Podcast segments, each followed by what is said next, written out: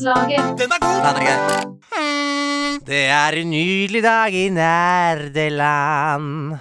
Fikk jeg lyst til å begynne med denne gangen. En liten musikal.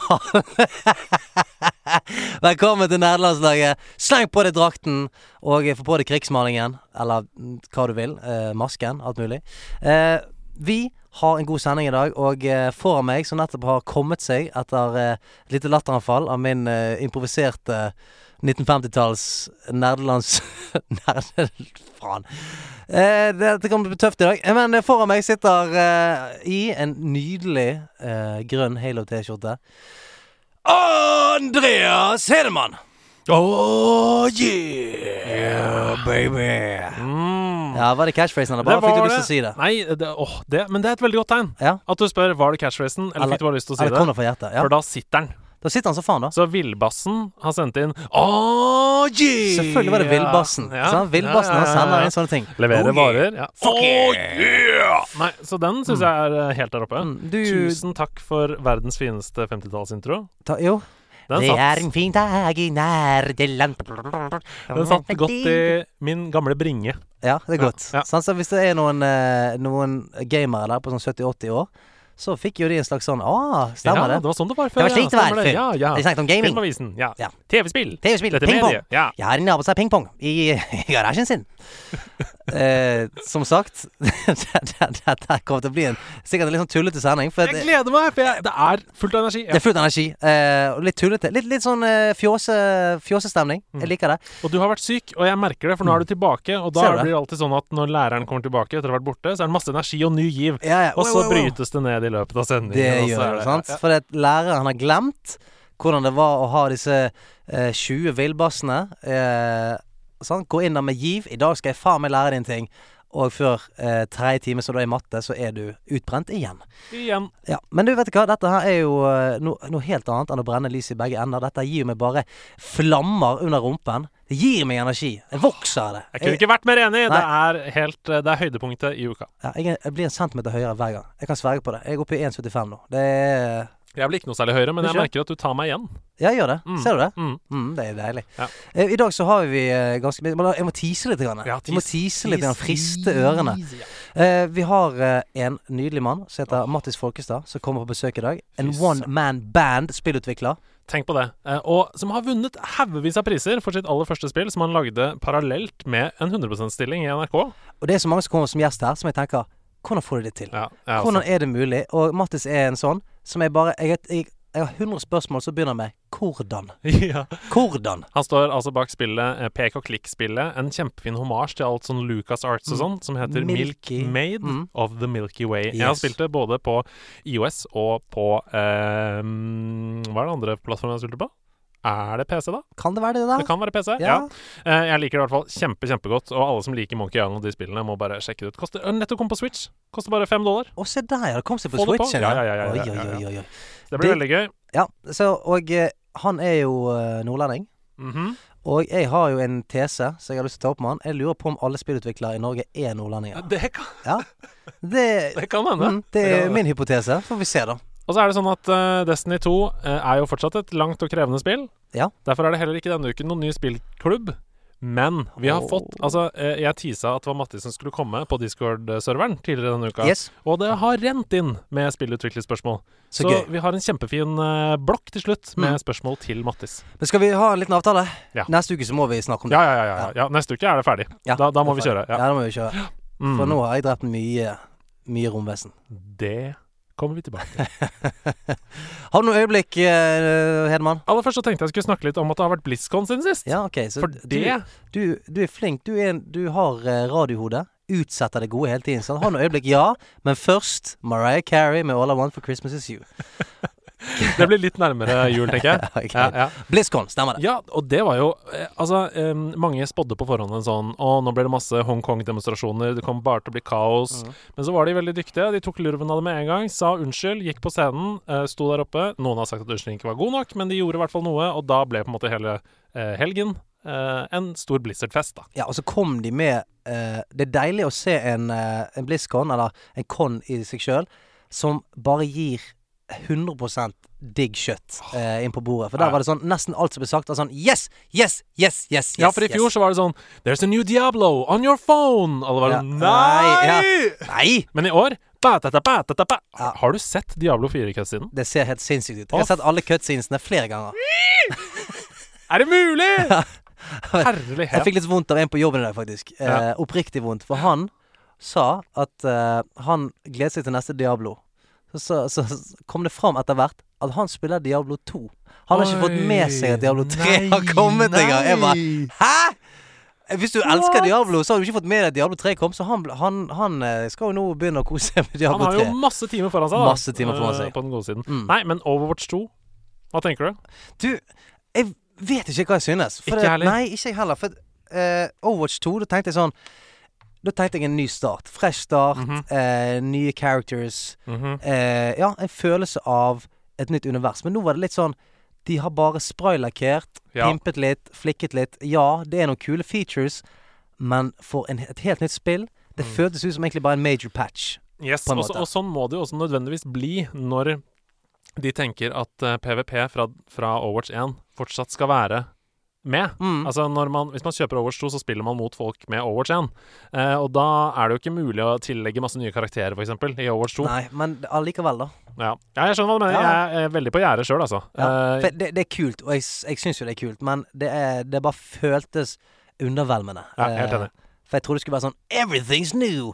This guy shoots bubblegum. He doesn't. Yeah. And he doesn't exist. It's the same old characters doing the same old stuff. Winston has an electrical gun. yeah. and it's been nerfed again.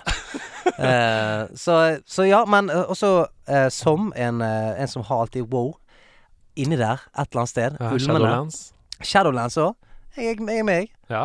Jeg Det, er med. men du, den Mm. cinematikken var ganske smikso, den òg. Ja, men det, det, alle cinematicsene var de, de er flink Blizzard å på en måte bare gi folk det de vil ha, syns jeg. Sånn uh, i, i cinematic-stil, i hvert fall. Når skal de gå Ja, jeg ser dere, dere Ja. sier World of Warcraft-filmen, men når skal Blizzard gå full on og bare eie sin egen Overwatch-film, eksempel, Mm. som de bare lager fra bånn av? Ja, men, men jeg tenker sånn drit i film. Jeg vil se en fucking ti episode av HBO. Uh... Nå må du ikke snakke mer. Nei. Jeg fikk gåsehud. Okay. Ser du det? Ja, jeg ser deg. Ja, ja, men ja, ja. Sånn, ti episoder, flere sesonger. Følger et par forskjellige characters. Jesus. Tracer der, får seg noe Ja, det er Mercy. Holder dem i live. Mhm. Ja, ja, ja. OK, kjapt innom Descent of Dragons til Hearthstone. Ser kjempebra ut. Masse drager. Jeg elsker drager i Hearthstone. Det blir veldig gøy. Um, og det er vel det. Diablo Ja. 4, det har vi snakka om. Overwatch 2. Ja, Ja, for sånn, det er for mye å glede seg til. ja, ja herregud. Og, eh, altså, Blizzard går ikke konk med det første. Jeg tror ikke det. Nei, jeg tror ikke Jeg tror ikke det. Ukens øyeblikk. Nå kommer det! Her kommer det. Ja. Ok, Dette er en slags eh, dialog som jeg leser opp, som du kan være med på underveis. Takk. Mandag morgen 8.40, kolon. Hei, hei. Discord. Mathias, kolon. Mista toget fra Sverige til Kristiansand. Jeg får ikke tilbake pengene for togbilletten, så nå er jeg stuck i Sverige. Siste liten-billetter er sykt dyrt. Jeg må rekke skolen i morgen. 0855. Loddig fyr. Når går neste tog, da? Hva koster en billett? 0857. Mathias. Reisen blir på det billigste rett over 700 kroner. 0857. Skropel ber om mobilnummeret til Mathias. Mellom 0900 og 0920. Skropel, Ørlen, Loddyfyr, Skardoodle, Manji, Sneak, The Lizard og Skrefs vippser penger til Mathias! Han får råd til togbillett hjem til Sverige! Det koker selvfølgelig på Halleluja. Men vi er ikke ferdig der. Nei. 0925. Mathias. Nå kommer jeg meg til Kristiansand! Glede, glede, Ja, glede. ja, ja. Men jeg mangler litt fortsatt, ettersom det ikke går buss fra togstasjonen. Men jeg aner ikke hva taxi fra Kristiansand togstasjon til Birkeland koster 03.30 på natta. 09.45. Skropel finner ut at taxi koster ca. 1100 kroner. Og vi er like langt. 11.15. Salt i sidaen. Uh, jeg har ikke fått med meg hva dette går i, men du har problemer med å komme deg hjem fra Kristiansand til Birkeland, Mathias. Jeg begynner ikke på jobb før 11.30 i morgen. Jeg skal bare være markør for en øvelse, så jeg kan jo kjøre deg fra stasjonen til Birkeland. Ah, det er så sykt! Hele Discord imploderer. Ja, ja. Alle klikker, og det er hjerter, og det er øh, fyrverkeri, og alt mulig. Tenk at det at vi to idioter starta Ja. den podkasten her, gjør at noen kan komme seg fra Kristiansand og hjem Ja, det pga. hele kommunen community. Tenk- Det, altså, Ja. Tenk, altså, om et par år Folk har kommet seg til månen. de som hører på, dere er verdens beste nederlandslag. Ja, Det er helt Og det Jeg kan ikke få pres Jeg kødder mye, men jeg kan ikke få presisert nok hvor jævlig stolt jeg er den gjengen som eh, hører på, altså. Og eh, hvor glad jeg har blitt i så mange. Og uansett eh, altså, Vi snakker mye om den Discord-gjengen, men det er sånn i går for eksempel bare spør Er det noen som har lyst til å spille noe Destiny. Kommer to boys, Gunners og eh, El Caso. De bare sånn Du, vi er egentlig good, vi, men vi kan hjelpe deg. Sitter og preiker litt drit en halvtime. Eh, spiller. Og de sånn OK, er du ferdig? OK, da stikker vi og legger oss. Alle hjelper hverandre. Og det er liksom Hele ikke tiden. Og, og det er sånn glede i det. Og faen, jeg, jeg eh, Ja, det er noe av det kuleste eh, i livet mitt akkurat nå. Det er fucking nederlandslaget. Ja, det er helt, det er helt sjukt. Og eh, jeg har jo sagt tidligere at eh, Destiny 2 har vært vanskelig for meg, liksom. Mm. Ikke nå lenger. For Nei. nå har jeg Orlando og hele nederlandslaggjengen på, på PS4 på Discord. Og vi er klanen, og det er Ja. Jeg skal vurdere. Jeg sier det nå. Jeg bare ligger du som en liten sånn eh, Som en liten krabbetegne. Jeg skal vurdere, og jeg sier vurdere, for jeg kan ikke love noe, å tatovere eh, enten kjøttet går og eller nederlandslaget på meg, på kroppen. Skal du tatovere ditt eget kjøtt Ja. med kjøttet går? Mm, ja Det Jeg skal vurdere det. Men eh, å ha kjøttet går på kjøttet? Nei. Nei. Ja, jo, sånn, ja. Jeg tror du tenkte på uh, Selveste selveste kjøttet? Nei. Nei. Hele kroppen din er kjøtt og blod, mann. Ja. Han er jo det. Ja. Ja, det har jeg lyst på. Jeg Nå lyst på må det. vi få inn uh, vår gjest, men aller Ja, først en liten korktavle. Ja. Jeg liker at du kastet vekk det sinnssyke, den sinnssyke lovnaden min der. Ja. Jeg sier jeg kan tatovere meg. Du sier ja ja, kult det. Neste gjest. Altså, det er helt sjukt. Mm. Det er helt sjukt at du skal gjøre det. Mm. Jeg Du trenger liksom- ikke hente fram jeg blir, du, hør nå. Jeg, blir, jeg har jo ingen tatoveringer, for jeg er ikke så veldig glad i det. Jeg blir litt redd når du sier det. Det er derfor. Okay. For jeg føler at det kommer til å være et press. Ja, men det, det, jeg er klar for deg. Det er helt sjukt det. Mm. Det er Vi får se. Eh, da kan vi kline til med korktavlen. Ja, og det er bare én kjapp en her. Eh, før dere skal inn i kjellerstuen for å lage podkast, er det noe spesielt dere tar med dere inn? En følelse, en type drikke, et mål for podkasten? Jeg vet i alle fall at jeg som lytter tar med meg glede, latter og en følelse av å dele noe felles når jeg hører outroen deres. I løpet av en podkast har jeg kjent på hvordan det er å være en del av noe som er større enn meg. Et landslag hvor hver og en spiller utgjør en forskjell. Som mann, forlovet, pappa, gamer og nerd har dere fanget essensen i hva jeg elsker, nemlig fellesskap! Tusen hjertelig takk for innsatsen dere legger ned i hvert et minutt av hver og en podkast. Ja. Og jeg, jeg må svare akkurat det samme for meg, altså. Glede, entusiasme. Altså sånn Vi gjør dette her, vi stikker inn i kjellerstuen på slutten av en lang arbeidsdag, og det føles som å starte dagen på nytt Det er helt sjukt! Kommer inn med energi. Det gir meg energi. Jeg kommer hjem, får ikke sove. Eh, og vi har med oss kaffe, selvfølgelig. Det kan være at det er kaffe. Det kan- Men, Ja, vi har noen druer, vi har noe kjeks, vi har noe kaffe, noe vann. ja, ja. Men eh, mest av alt så har vi entusiasme og engasjement. Og det, altså, jeg er så mye mer våken og klar nå enn jeg er klokka ni om morgenen. ja. Og så har vi sånn, et lite ritual, miniritualet, at før vi trykker på rekk, så skriker vi litt. Grann. Ja! Ja, ja, ja. Ja! Får opp eh, litt trøkk. det. Det er fint. Eh, dagens gjest har nå skrenset utenfor på sin eh, Kawasaki motorsykkel. Og jeg, Eh, jeg trodde det var sånn eh, BMX-sykkel med sånne eh, på siden. ja, jeg ser ikke gjennom vinduet, så Nei. det kan godt være det. Han har, han har tatt sånn isboksplastikk bak på hjulet. Stemmer. sånn det sånn- det er det som er lyden, ja. Eh, han er kreativ. Ta godt imot Mattis Folkestad.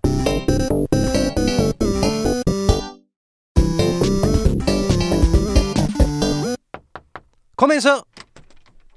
Der har vi han. Hei. Å, her var det godt og varmt. Her er det varmt, ja. Oi, ute er det 500 minusgrader. Her inne er det svett og god stemning. Ja, så Metall smelter her Oi, oi, oi, Og nydelig uh, gulna furu. Og det, det er så godt å komme i en kjellerstue. Ja, det er litt deilig, ikke det? Det hva, hva liker du best av det som står her, da? Altså, Jeg syns det er veldig fint at dere har hengt opp litt sånn fiskegarn i anledning at det kom en nordlending i, på besøk. ja, men vi, gjør, vi prøver å gjøre det litt sånn personalisert. Det skal være hjemmekoselig for alle som er her. Sånn er det. Ja. Men åssen orker du å sykle på sånn BMX-sykkel når, det når det er minus 500 Til? Du må sykle veldig fort, da holder du varmen. Så det, og så stikke inn sånne plastikkbiter inn i mellom, eh, mellom eikene. Ja, sånn at folk hører når ja, du kommer. Hører, hører at det kommer. Mm. Perfekt, Du, eh, nå har jo vi en, eh, eh, nok en gang en skikkelig spillutvikler her, og eh, vi skal snakke masse om det. Men kan vi legge ball død med en gang? Er alle norske spillutviklere nordlendinger? Ja! Ja, de er det, Jeg tror, jeg tror det, faktisk. Ja, men- Jeg har tenkt meg om. Så Ja. i hvert fall innerst inne så ser de det. Myth confirmed! Ja, jeg visste det! Jeg visste det. Konspira eh, konspirasjonsteorien min er ekte, for en gangs skyld. Men du, la oss, eh, la oss bare hoppe rett i det. For det, det å lage et spill Gigantisk oppgave. Eh, mange, mange folk i sving. Det er mye ups and downs. Man tasser ting, det går feil. Det er bugs. Man sitter med Altså, det er så sinnssykt mye, da. Du gjør Mm. alt det der greiene aleine. Eh, la oss begynne med hvordan satt du for deg at dette skal jeg gjøre, jeg skal gjøre faen jeg gjør det aleine? Eh, jeg tror du må være litt sånn eh, litt eh, naiv, tror jeg. Veldig Mm. fint utgangspunkt. Selvfølgelig, jeg har, har jobba lenge som, med musikk og utvikling og programmering og grafikk og animasjon, så jeg, jeg kan jo litt av hvert opp gjennom de årene jeg har levd. Eh, også det å, Når man setter seg i gang med et eh, sånn stort prosjekt som det å lage spill, så tror jeg det er lurt å tenke litt sånn Ja, vi får se hvordan det går. Det, Vi tar det som det kommer. Hvis det, man tar inn over seg alt det omfanget og alt det, den jobben som ligger bak og det å lage et spill, så kan man bli litt sånn matt. Ja, da kan man gi opp, liksom. Ja. Men var ambisjonsnivået der også da? Du, du tenkte ikke sånn 'dette skal vinne priser over hele verden', det skal komme på Nintendo Switch, dette Nei, spillet. Du nei, tenkte bare sånn 'jeg får se hvordan det går', og hvis det går til helvete, så gjør det det. Ja. Det var et eh, kjærlighetsprosjekt, rett og slett. Det var bare Det her har jeg lyst til å lage. Nå har jeg lyst til å lage et sånt spill som, eh, som gir, gir den med den gode, varme følelsen som jeg husker det, det jeg spilte sånne typer spill da jeg vokste opp. Men for oss ikke kan så mye om hvordan den prosessen er i det hele tatt, hvor, hvordan begynner man? Altså, hva er reisen der fra 'jeg har lyst til å lage et spill' Mm. til 'shit, jeg har et spill'? Har du jobba med den parodien? Ja, den uh, jeg Den sitter- Jobbet meg inn i hodet mitt samtidig som den kom ut. Ja, uh, hvor begynner man hen? Altså, man eh, begynner selvfølgelig med en idé og et Mm. ønske, og um, i mitt tilfelle så var det en idé og et manus. Jeg begynte å skrive et manus til et spill, og så finne historien på. Fedløs og lage et historiedrevet spill. Mm. Så jeg begynte med det, og så måtte jeg finne ut etter hvert hvordan skal jeg klare å gjøre det her. Ok, jeg må, må gjøre grafikken kanskje litt enkel, og må gjøre gameplay Det kan ikke bli et uh, 100 timers eh, spill. Så det var liksom å, å hele tida finne liksom, løsninger på de problemene som dukka opp. Men igjen, da. Så, så nå, nå hører jeg at du sier ja, det er bare å ta litt mel og, og fikse sånn, men altså når du bestemmer deg for alle de tingene, da. Ok, storyen er på plass. Eh, må ha litt enkel grafikk. Hvordan går du da inn for å faktisk forme det og lage det håndverket? Altså, eh, dataspillutvikling er jo et gigantisk puslespill. Eh, du starter liksom med å, å lage dine egne puslespillbrikker, Mm. og så prøver du å tvinge de her eh, brikkene sammen da, etter hvert, og så blir etter hvert puslespillet litt og litt uh, stygt, og så plutselig Oi, her mangler noen brikker, her er det noe som er feil, her må du begynne helt på nytt igjen. Uh, så det er liksom Det er egentlig veldig, veldig mange små arbeidsoppgaver som til sammen blir et uh, stort prosjekt. Så du må liksom Du må liksom tørre å tenke på at OK, det her ser ganske ræva ut akkurat nå, men eh, om kanskje en måned eller to, så, så går det faktisk an å spille der, og da, da kommer det til å bli kult. Noe av det første jeg lærte da jeg begynte på skolen på Westerdals, eh, etter at jeg var ferdig med vanlig skole og skulle studere, det var eh, Da sa læreren min sånn Det første du må gjøre, Andreas, hvis du skal få til dette her, det er at du må legge bort leseren eh, når du skriver. For du må bare skrive, Ja. og så kan du lese når du er ferdig med å skrive. Ja, sånn, Hvis du ja. driver og leser underveis mens du skriver, så kommer du til å sensurere deg selv hele Ja, ja, ja. tiden, og du syns ikke det er bra nok, og du kommer ingen vei. Du må bare skrive deg gjennom, og så kan du legge vekk pennen og lese gjennom. Ja. Jeg opplever at det er kanskje litt sånn det du snakker om nå. At du må bare lage masse ting, og så finne ut om det var bra nok. Ja, det, det er masse prøving og masse feiling og masse testing. Ja. Eh, og masse kompliserte ting som du må finne ut av. Så det, ja, det er et eh, langt puslespill som går over eh, mange, mange måneder, og gjerne år. ja, Men hva er den vanlige konstellasjonen i en gjeng som lager et, et dataspill? Altså, Vanligvis så trenger du jo det, altså Dataspill er jo utrolig komplisert. Det er jo det mest eh, avanserte kulturuttrykket man har eh, muligheten til å begi seg ut på. Hører dere dette, folkens? Det mest avanserte! Ja da. Og jeg gjorde det aleine! gjorde det på to år. Vi liker det mest avanserte, vi. Det er så ja. Nei, men altså, du trenger jo Det er jo veldig ikke sant? Du trenger noen som lager musikk, du trenger noen som kan lyd, du kan noen som lager grafikk og animasjon, du skal ha gameplay, du skal ha historie. Du skal liksom ha alle de tingene, alle de elementene, da. Mm. Så vanligvis så trenger man jo gjerne et stort team. eh, Ikke sant? Blizzard, som dere snakka om i, i sted, som tjuvlytta litt. Så ikke sant? de har jo sikkert folk som sitter og lager eh, øyevipper, liksom. Ja. Det, det, jeg lager øye, den høyre øyevippen. ja, eh, det er min spesialitet. så, eh, men vanligvis så trenger man jo veldig mange folk for å lage spill. Men så er det jo selvfølgelig Man må også finne verktøy og finne måter å lage ting på som gjør at det går an å jobbe fort og effektivt, og måte, ja, få ting til å eh, bli kult, selv om det kanskje ikke ser eh, ut som Triple A og Hollywood. Mm. Men på hvilken måte merket du at du eh, For du sa du gikk inn i det litt naivt. På hvilken måte merket du at du bare var én fyr i dette? Og det er mange ganger jeg liksom bare tenker at faen i hvorf- Hvorfor begynte man med det her? Det er når man liksom Spesielt sånn man kanskje sånn e- en tredjedels på vei, og det er bare jobb, og det er bare vanskelig. Eh, men så liksom bikker man over. Plutselig så kommer man i en fase der Oi, her, nu, nu, det her kan bli kult. Um, nu, det her, den her biten her av spillet kan bli gøy. Og hvor du kanskje kan bruke ting du allerede har laget litt Åh, om igjen. Ikke minst. Eh, sånn at det går litt lettere. Mm. Det er som en Ja, ja. snøball som begynner å rulle. Liksom. Absolutt. Mm. Men du gjorde det ved siden av en 100% jobb. Gikk det, gikk det utover jobben på noen slags måte? Nei, nei, nei, det gjorde det ikke. Så hvis NRK hører på nå, så gikk det veldig bra. Så det var ingen problem. Og der er det skrudd av. Ja. Nå kan du fortelle sannheten. Nei, altså det var, det var ganske tungt uh, til tider, men samtidig det var veldig sånn glede. Det var et sånn, uh, som jeg sa, et sånn kjærlighetsprosjekt der. Så jeg gjorde det fordi at jeg syntes det var gøy, ikke fordi at jeg trodde det skulle bli, bli noe av, egentlig. Mm. Mest fordi at jeg følte at det her kunne kanskje bli ganske eh, kult når det ble ferdig. Ja. Uh, Og det hadde vel heller ikke noe sånn stor deadline, hvis jeg ikke tar feil, som hang ikke sant. over deg? det var ingen som sto og pusha 'nå må du ha den og den Mm. uh, storyen', eller Altså, det var Sto helt fritt til å utforme det her prosjektet akkurat sånn som jeg hadde lyst til. Og nå skal du lage et nytt et, skal du ikke? Du, Ja. du er i gang med å lage et nytt et. Ja, nå er jeg ganske sånn eh, Ja, kanskje litt forbi den vanskelige første tredjedelen. eh, der jeg liksom har lagt de største puslespillbitene allerede nå. Mm. Eh, ja, så kommer en med liksom pusler fra hjørnene og begynner å nærme liksom noe som Mm. kan se ganske kult ut. Kult. Kan du røpe noe? Ja, Ja, altså det, det kom fort. ja, Ja, ja, det kan- det kan jeg. ja. Ja, det er jo selvfølgelig ikke sånn, for jeg har ikke noen PR-sjef som sier Nei, du må holde igjen, vi skal tease det her på E3 i 2020. Eh, det er et eh, eventyrspill Mm. satt til, eh, i Nord-Norge, der du spiller en gutt fra en stor norsk by som arver et magisk armbånd fra bestefaren sin. Og det her eh, armbåndet det har noen sånne mystiske, magiske egenskaper som du kan bruke for å påvirke omgivelsene dine. Så det er et eh, puzzle adventure, tredjepersonsspill. eh, spill. Litt annen stil enn det forrige spillet. Um, det er litt mer sånn du styrer på karakteren sjøl. Mm. Så det er litt mer sånn det, Jeg tror det er litt gøyere å spille, og det ser jo også litt mer avansert ut. Eh, det kommer til å bli på en måte større på alle måter, men det har liksom litt av den sjarmen og ja, litt sånn nostalgifølelse som det forrige prosjektet Hva heter det? Det heter Embracelet. Embracelet, ja. Mm. Ok, så det, det er riktig å anta at dette, eh, dette arm, armbåndet her, det kan Det skaper varme og kjærlighet. Ja, Mm. det I kalde nord. Det tror jeg Nå er du inne på noe. Ja, ok, Eh, ja, skal, ikke, ok, skal ikke spoile mer, men det, absolutt. Ja, ja, ja. Men du, jeg må bare spørre om noe, for Mm. dette har jeg tenkt en del på. Um, du, det første spillet ditt, Milkmaid og The Milky Way, så jobbet du jo 100% i NRK ved siden av. Mm. Men så tok du mot til deg og sa Kjære sjefen, kjære Håkon Mosleth, jeg trenger permisjon. Mm. Og så tok du ett års permisjon for å kun jobbe med Embracelet. Yep. Det er ganske ballsy Mhm. å gjøre. Eh, hva var det som fikk deg til å liksom orke, eller tørre det, da? Å gå ut i det? Eh, det var vel først og fremst at jeg fikk eh, økonomisk støtte fra Norsk Filminstitutt. Oh, ja. Eh, så det var liksom den eh, store Bra norsk filminstitutt. Det er sånn man gjør det. Det er Ja. sånn man skaper spillskapere i Norge. Yes, sir. Så det har gitt meg litt sånn eh, sp- spillerom økonomisk til å kunne ta fri.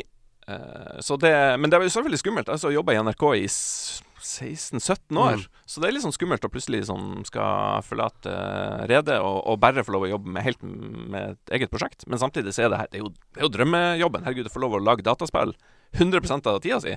Men, hva, men sånn etter du tok den avgjørelsen, Mm.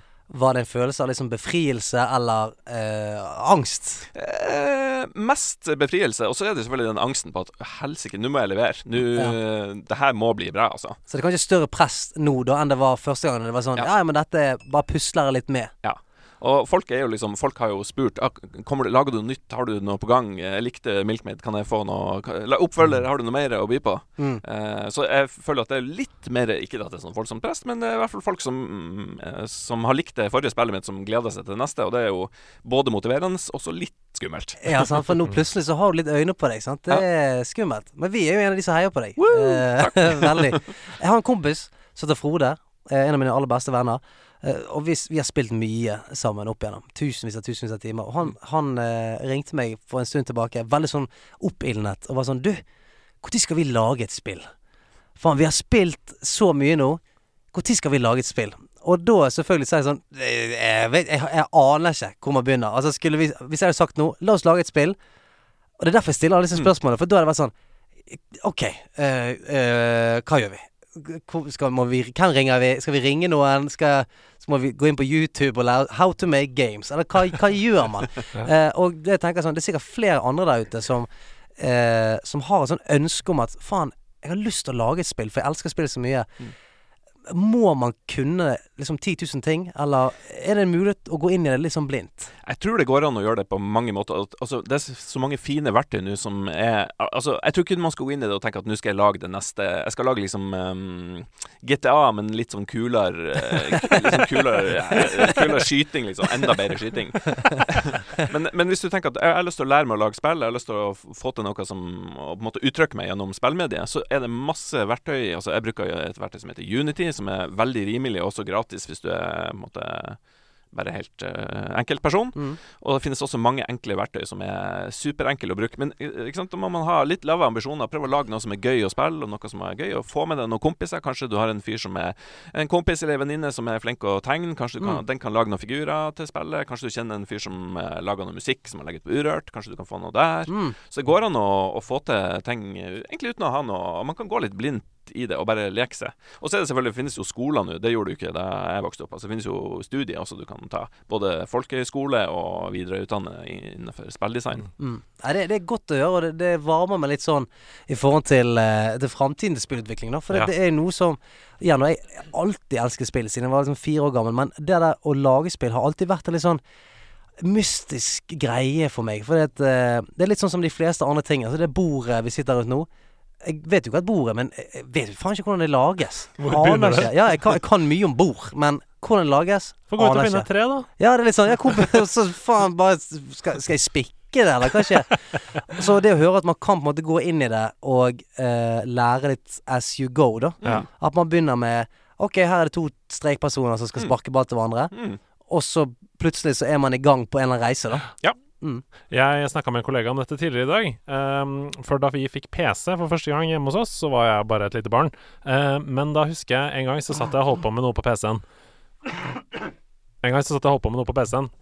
Jeg tror det var mamma som var i bakgrunnen, og sånn, som sa til pappa Jeg husker det kjempegodt. Det er så rart at Andreas kan så mye på den PC-en. Og da sa pappa eh, ja, men det er bare fordi han trykker på alt. Ja, ja. ja. Og sånn er det. Mm. Eh, man må bare trykke på alt. ja sant det. Og, og, og gjøre masse feil, og plutselig så sletter du prosjektet. Mm. Fuck. Ja ja, da gjør du ikke det neste gang. Nei, har sant. du lært at den knappen trykker sletter prosjektet. Ja, det Veldig merkelig knapp inni på, på, ja. Rart at de la til den eh, i, Ja, ja. i det programmet. egentlig. X, den var autoslettende. Faen, det er jo jævlig merkelig. Jeg må, jeg må mappe den keyen om. Ja. Nei, det er bare, så bare feil masse og Mm. gjør masse. Ja, helt enig. Skal vi stille spørsmål du alltid spiller? Som alltid stiller. Ja. ja. Men spiller han? Men spiller han, da? Sant? Ja, han er flink å lage spill, men spiller han, da? ja. Hvor var det det begynte? Og da går vi langt tilbake i tid. Um, Altså, jeg er jo Jeg har bikka 40, så uh, vi snakker liksom 80-tall her. Første liksom mind-blowing opplevelse av spill var på en arkadehall på en eller annen, i Danmark. Var på tur der sammen med eh, foreldrene mine og brødrene mine. Der var det to sånne arkadekabinetter. ene var Dragons Lair, tror jeg det er Sånn animert Ja, ja, ja. eh, Det er tegneserie. tegneserie som var helt sånn Er det her spill? Men det ser ut som tegnefilm. Ja, du må reagere, sant. Du Ja. må liksom opp eller ned når Ja. dragen kommer, og være sånn rask, sant. Det så helt uh, fantastisk ut. Og så så jeg også uh, et spill som et, uh, i ettertid jeg tror jeg heter Mack 3. Sånn uh, laserdiskspill der du flyr sånn uh, jetjager over et sånn ekte landskap. da Ja, Så var det sånn What?! så det, det husker jeg var å si sånn OK, det her er, det her er the shit. Ja. Dette er greia mi. Vi er i Ja. framtiden. Ja. Bedre enn dette her blir det ikke. Og så neste spillet, spillet var hos eh, søskenbarnet mitt. Det var da Pacman. Så det var liksom gikk litt ned igjen, da. Litt ned på eh, Pacman. Det var OK, men det var gøy. Det var kult. Det var utrolig kult å kunne spille et dataspill hjemme hos noen Mm. på TV-en. Eh, og så eh, Vi hadde ikke datamaskin hjemme da jeg vokste opp, så eh, vi var gjerne hos kompiser som hadde Commodore 64. Commodore 64 var liksom den ultimate. Alle, alle andre enn meg hadde, hadde den maskinen. Så der var det masse spill. Masse spilling i nabolaget, og jeg fikk min eh, første ganske seint, da. Det var sånn på slutten av 80-tallet fikk jeg min første 64. Fikk med masse piratkopierte spill, eh, som jeg satt og kosa meg med. Spill, ja, spilt eh, sikkert hundrevis av forskjellige spill, men også lært meg litt sånn programmering og litt sånn det å Mm. lage ting. Så det var det første liksom, møtet med det å kunne faktisk eh, Det er jo ei setning på, på dataspråk som er if. If then. Then this. Ja. Ja. Så det, Mm. det, bare den setninga er så skikkelig mind-blowing. Det at du kan skrive inn til datamaskinen og si at hvis det her skal skje, så kommer, skal du få det her til å skje. Ja. Og det var sånn det å kunne Å gjøre det, å kunne styre Hvis du skrev inn det tallet der, så kunne du få det til å stå 'Hello, loser'.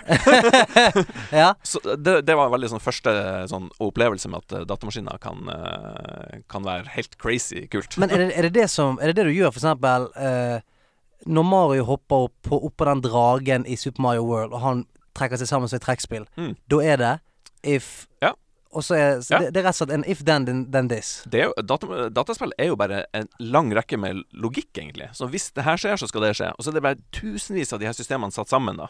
Eh, Det er helt rett og slett- sinnssykt. Så i utgangspunktet enkelt, veldig komplisert når det blir veldig mange. Av Ja, ja. de eh, Det er alltid så gøy å høre på, for det, jeg blir alltid flau over klagingen min over spill når jeg hører sånn Ja, men det der, når han svinger sverdet, det føles ikke helt bra. Så okay. sånn Red Dead er litt kjedelig. eh, sånn. Jævla hesten. Så er det en fyr If, Ja, ja. if horse, If horse is tired, then then food. quit game. Eh, Nei, det, man, man blir jo helt flau. Altså Når man hører eh, mengden med arbeid som går inn, at det er Ja. faktisk en som er hestehårekspert, som sitter og har brukt to år på bare sånn å få hesten til å se fucking shiny ut. Og så er det sånn Ja, ja, ja. Litt kjedelig! Åh, det er så, jeg blir flau. Jeg skal bli bedre på det i framtiden. Commodore 64. Mm. Mm. Where to next? Eh, så gikk det over i Amiga 500, som Mm. var også en stor uh, sleger i, på bygda i, i Nord-Norge. Um, så der spilte jeg veldig masse. Der ble enda mer liksom uh, Der laga jeg faktisk mitt første ordentlige dataspill. Oh shit, Hvor gammel var du da? Da var, gikk jeg på videregående. Gikk i siste året på videregående. Wow. Da laga jeg et uh, eventyrspill som heter Madhouse. Madhouse. Og det uh, spillet Det som var litt gøy, det var at eh, det ga jeg ut. eh, ble ferdig med det på et, et halvt år, tre, tre kvart år. Og så sendte jeg noen disketter til England, og så glemte jeg. Fikk jeg aldri noe svar. Det var liksom OK, det spillet var gitt ut. Men så, liksom, eh, før jeg begynte på Milkmaid, så var det oppdaga helt sånn random at eh, noen hadde lagt ut en YouTube-video der de spilte gjennom hele det her spillet som jeg hadde laga på videregående. Så det sånn Oi, her, jøss, så fantastisk eh, gøy at noen eh, Så viste det seg at folk hadde jo spilt det her spillet i, i England, og, og liksom lasta det ned og, og kjøpt disketter, og, uten at jeg har fått en krone for det. da men- Dette er sånn Searching for Sugarman-historie. Ja, altså, lite visste han at han var verdenskjent. Så når jeg så liksom reaksjonene på det spillet og begynte å lese om det i etterkant, så det var egentlig det som ga på en måte mm, lille dyttet til å Shit, jeg må gjøre det her på nytt igjen. Og da har jeg begynt med Milkmaid of the Milky Way-prosjekt. Kult. Mm. Men eh, altså mellom Amiga og nå så har jeg jo spilt masse. Gikk over til PC, og så har jeg hatt stort sett alle konsollene egentlig oppover, bortsett fra Nintendo. Nintendo var aldri stort Oi. i Nord-Norge. Jeg tror Ja det stoppa liksom i Trøndelag. Men bare Nintendo Nes, eller alle Nintendoene? Eh, det første Nintendo-konsollen min var vel en eh, Wii, som er Åh, shit. Wow. Så det er et stort, uh, sort uh, Ja, japansk hull. det er et sort Mm. japansk hull, ja. Holy baloney. Du har gått glipp av, av, av, av Nes, Snes og Nintendo 64. Oh yeah. Men, ja, men du er jo en eh, programmerer, Mm. en dataelsker, så kanskje Sony Microsoft var nærmere, da? Eller? Oh ja. Ja. Jeg har jo hatt både Sega Game Gear, PlayStation Alle PlayStation 1, 2, 3, 4. eh, Xbox, Xbox 360 Ja, altså, nå fikk jeg nettopp en Xbox One. Så jeg har, jeg har liksom eh, Jeg har, jeg har eh, hatt uh, Koset meg mange Mange timer i, framfor TV-en. Ja, ja, ja. Diverse konsoller. Har du et, har du et, eh, et sånt favorittspill? Noe som alltid har blitt ved deg? Ja, for det var det jeg tenkte på. Det er jo Mm. veldig mange som spør oss hver uke Ja. Har dere en topp tre-liste, liksom. Mm, Og det er jo helt umulig å si det ene, men Mm. kanskje nevne et par-tre, liksom. Ja. Ehm, jeg tror kanskje mitt sånn, eh, sånn som raga øverst er nok eh, Shadow of the Colossus, Oh, som jeg Ja, spilte ja, på ja. PlayStation 2. Det var um, emosjonelt og visuelt og storymessig og gameplaymessig liksom helt uh, Ble helt slått i bakken av det. Har det noe med tiden du spilte det på å gjøre også, eller? Kanskje, men jeg tror fortsatt det har holdt seg. Jeg tror det fortsatt det den dag i dag er et fantastisk uh, godt spill, hvis du ikke har spilt det. Det er jo blitt remastra Mm. flere ganger, tror jeg. Eh, og så må jeg jo trekke fram Monkey Island 2, som har liksom det spillet som, som åpner opp en verden der spill er noe mer enn bare liksom små oh. eh, små, små, figurer som, eh, som du må uh, tyde ja, kan, Kanskje det er et romskip. Men her var liksom en story, det var humor, det var gøy, det var spenning, det var ja, romantikk, det var pirater, det var Altså Guywood th Guybrush Threepwood. Ja, ja, ja. Men jeg bare fortsetter, Ja, ja, bare, fortsetter, bare hold det gående gjennom hele. Nei, men det, jeg er helt enig. Det er sånn Det, er jo et av de første spillene jeg kom borti som var sånn Spill kan jo være gøyere enn noe komedie jeg har sett. Og altså Det var så vittig at man kunne liksom fortelle vitsene videre og få en latter på det, liksom. Altså, ja, det, det var dritfunny. Ja, ja, helt enig. Det som eksploderte i hjernen min med det spillet, det var at lyden kom ut av selve kabinettet. Oh, ja. Lyden fra Det det kom fra kabinettet. Altså. Det kom ikke fra høyttalerne på PC-en min. Det kom fra lydkortet. Jeg skjønner ikke Men ta så google det. Skriv, skriv Monkey Island eh, PC eh, Sound. Ja. Fordi det kommer Det kommer fra selve maskinen. det det kan har jeg aldri hørt før. Kan være at du hadde ørebetennelse. du hørte, hørte lyden litt lenger vekke enn eh, Det er sånn Jeg har jo på meg headset, men faen, det høres ut som det kommer Nei, det var, det var helt unikt for det spillet. Ja, Var det det, ja? Det kan hende at det var en spesiell type eh, lydkort eller en spesiell type grafikkort eller et eller annet som hadde det, men det var, det var som å høre det gjennom Altså, det var firebit, liksom, ut fra kabinettet. Så det var et spill som fikk kabinettet til å synge? rett og slett. Ja! Så, ja, så bra at uh, PC-en din sang av glede. Ja, altså Monkey Island, har du, har Ja, og så det siste som eh, må, kan huske som jeg har brukt veldig veldig mange timer på Eller mange, da, men eh, Gran Turismo på PlayStation 2. Altså eh, Det er vel eh, tre Aceback, er det vel kanskje det heter. Det, Holy shit. det brukte jeg mange timer på. Har du, har du fullført 24 timer Nürburgring? Nei, men jeg tok det eh, trikset med å ta et gummistrikk rundt konsollene, og så kjøre rundt og rundt og rundt i en sånn Ja! ring for å få et eller annet premie. Det, er en bane som heter Speedring, tror jeg den Ja, heter, mm. som bare er rund. Uh, og da uh, var det sånn du fikk 500 000 for å klare det. Det er seks Mm. timers race. Og vi gjorde også det, jeg og Hansa. Vi tok uh, venstre konsollstikke, strikk Mm. på den, og så bare eh, gikk vi ut. Og så bare gikk han av seg sjøl? Ja, kjørte, fordi det er jo bare en ring. Ja, ja. Så det Faen, var det, det, det, var, det var mye gøy å hacke spill før. Ja. Ja, Du kunne gjøre noen sånne triks. Ja, men du, Det er gode spill, Mm. eh, og eh, det vitner om at du er en OG i gamet. Ja. Eh, skal vi komme oss litt videre i programmet, Andreas Redemeister? Hva har du spilt siden sist? Spilletid. Boing! Spilletid, baby. Eh, det har jo Jeg har jo vært sjuk, uh, og har jo ikke spilt sånn jævla mye, men jeg har spilt uh, nok til Ja. å kunne preike dette foret her. Ja, for har du vært sånn Du snakka jo om sjukespilling Mm. i et troféskap for noen uker siden. Men har du vært sånn syk at du ikke kan spille, for du har vært for syk? Ja, de to Altså, etter at vi, vi spilte inn denne podcasten forrige uke, da var jeg ganske dau. Eh, Det var så- det siste du hadde igjen. Ja, det var det siste jeg hadde igjen. Da, idet vi gikk ut av kjellerstuen, så gikk jeg dønn i bakken. Og da var det sånn eh, Første dagen etter det, tok på TV-en, så var det litt vondt i trynet mitt å spille. Og, det, og da blir jeg så lei meg, for jeg er sånn Jeg er jo jeg kan, ikke, kan jeg være så jævla dårlig? Så jeg tving, tving, altså, tvangsspilte litt, grann, og så sovnet jeg. Men, eh, og det har jeg vært borti mange ganger før. Men jeg har fått spilt litt nå, og det har vært kos. Og jeg vil si helbredende. Jeg vil, jeg vil tilskrive min, eh, min gode formiddag spillets magi. Du har, fått, eh, du har rett og slett fått spill på resept. Det er det jeg har. Eh, hva har du spilt? Ja, Du begynner med meg, ja. Ja, ja. Du, eh, du vet jo hva jeg har spilt, fordi du har faktisk sett på det live. Jeg har eh, lagt i buskene og sett på det. Ja, fordi vi streama, Sneak og jeg, på discorden, vi streama at jeg spilte Arena i Heartstone. Og det har jeg gjort en del i det siste. Jeg er veldig glad i det spillet. Jeg har nyvunnet kjærlighet. Det har kommet på en måte tilbake igjen litt nå. Eh, og det er fordi eh, Arena er så gøy. Vil du fortelle hva du har gjort? Jeg klarte tolv wins På i Arena, som er Da er du ferdig. Da har du runda det. Ehm, da kan du ikke spille mer.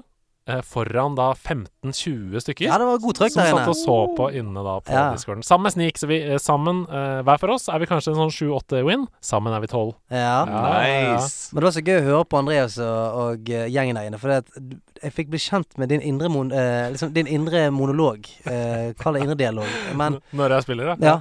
Ja, da tar jeg han. Eller det blir to. Skal vi se, det blir to inn i fire. Any day of the week. Skal vi se, nei, da trekker jeg han. Det er bare sånn Du, du sitter og har sånn konstant stream of conscience. Altså. Når jeg spiller Heartstone, så er det sånn Ja, der er troll. Ut med han. Eh, skal vi se, han, han dauet. Altså, jeg, du, du tenker som en sjakkspiller i Heartstone. Så eh, Bare gi deg, din gamle jævel! Tror jeg, jeg, tror jeg sa det på et tidspunkt. Ja, stemmer det.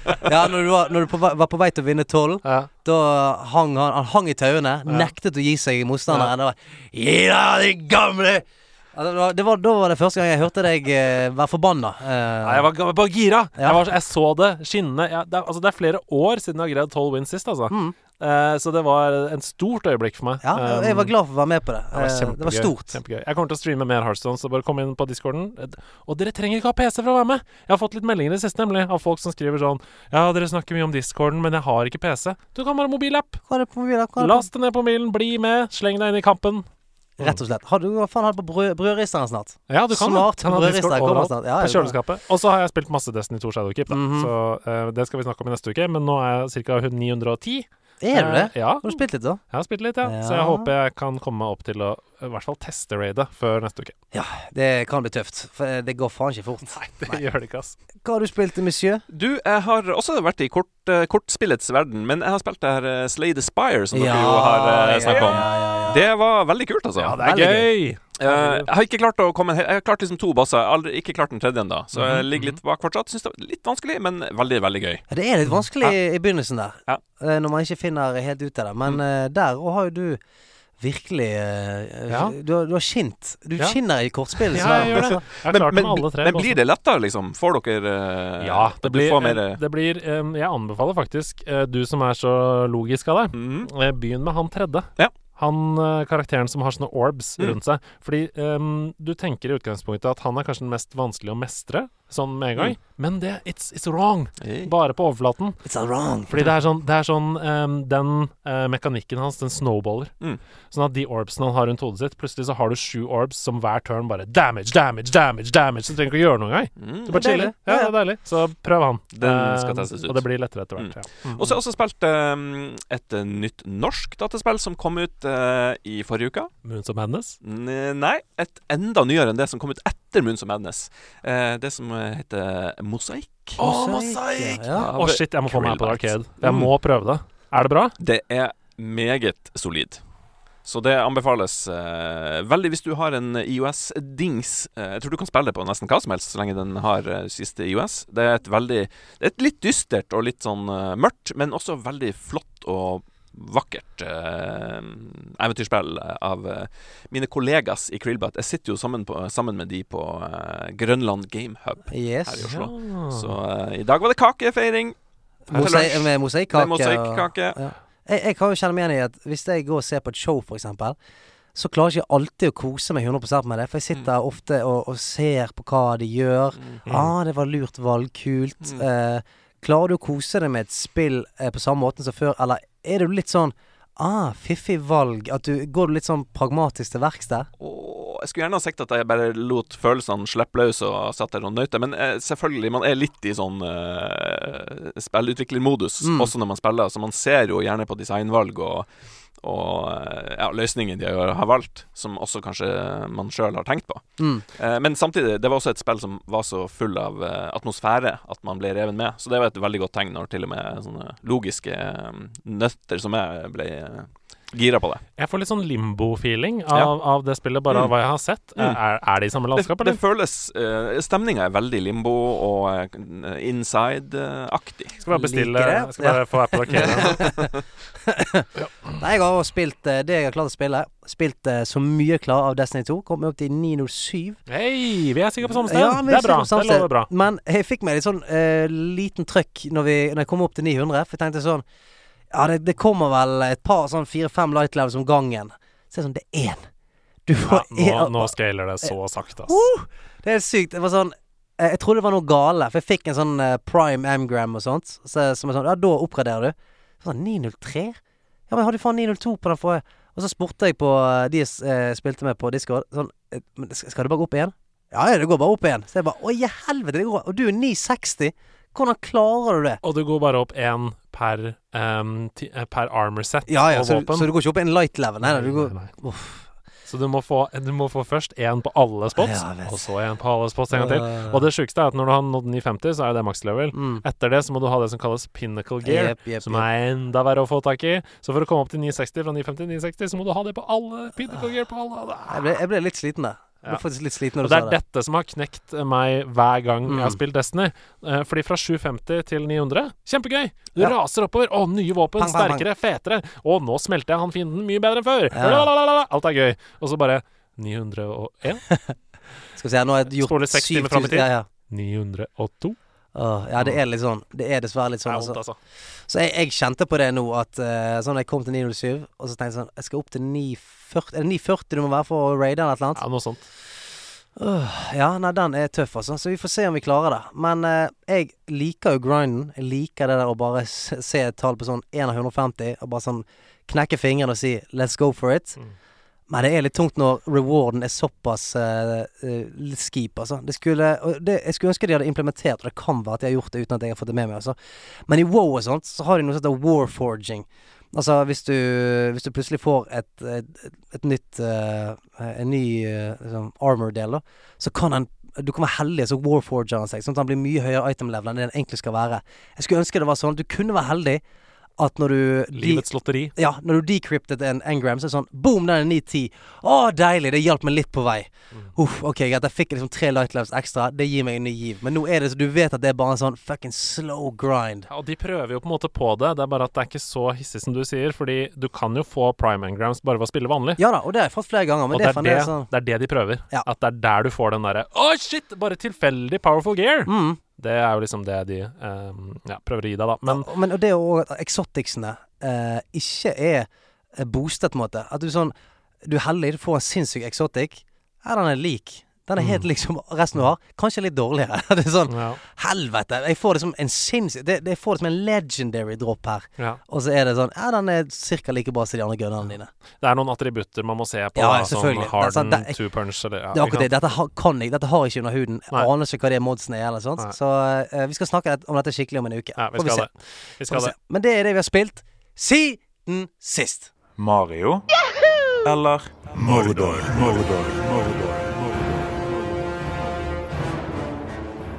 Nok en gang så føler jeg at jeg står overfor en boss med eh, level spørsmålstegn, eller level dødningshode.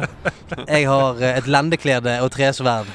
Men jeg skal prøve meg. Uh, du, uh, tror du at du er god i denne, Folkestad? Nei, jeg tror jeg er elendig. Jeg har uh, veldig dårlig sånn langtidshukommelse. God på kort sikt, eh, dårlig på lang sikt. Ja, Da fant jeg bossens weak spot, i hvert fall. Men han er fremdeles eh, tøff å ta ned. Husker dere eh, Hercules-spillet som var på PlayStation 1? Ja, det gjorde jeg. Ja, det Disney-spillet. Mm. Spilte jeg så mye! Yep. Der var det også sånne weak spots. vet du, Det var første gang jeg ble introdusert for det. Og det er jo fordi eh, akillesen i seg selv, Ja. i den greske mytologien, det var the weak spot. OK.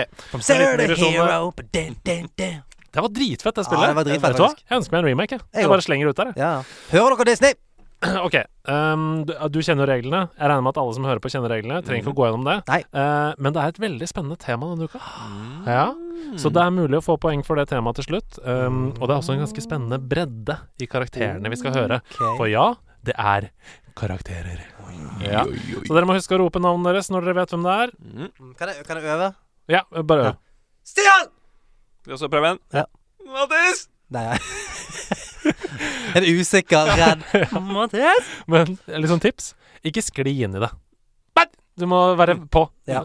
Så nå girer dere opp nå. Ja. Mm, Kom igjen. På! Okay. Her kommer første oppgave.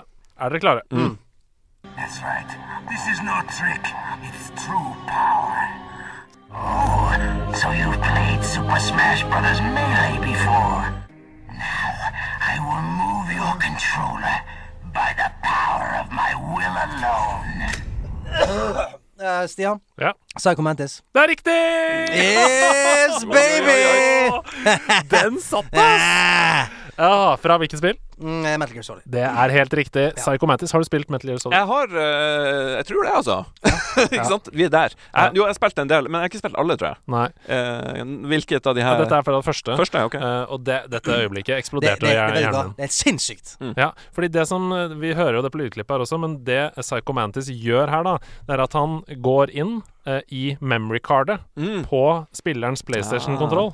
Eh, konsoll, Mm. og ser hva vedkommende har spilt før. Så han sier mm, I can see you have played Super Smash Bros. Melee Ja, det, det er brutalt. Uh, og så sier han også til slutt i klippet And now I will make your controller move Just by power of my true will Og så vibrerer det i Ja. Og ikke, ikke bare det. Husker du hva du måtte gjøre for å ta han bossen? Ja. Det er det sykeste. Det sprengte trynet mitt, i hvert fall. Ja. Mm. Fordi at han klarer alltid å se hva du skal gjøre. Uansett hvor du går, så uh, på en måte Han vet akkurat hvor du skal være. Men når du skifter kontrolleren fra player 1-porten til player 2, da klarer han ikke å lese det lenger. Altså, Er ikke det helt sjukt mindblowing? Altså, vi snakker PlayStation 1 Ja, ja. Mm. Uh, Så du måtte altså han, Og han bare sånn Where did you go? Ja. Where did you go?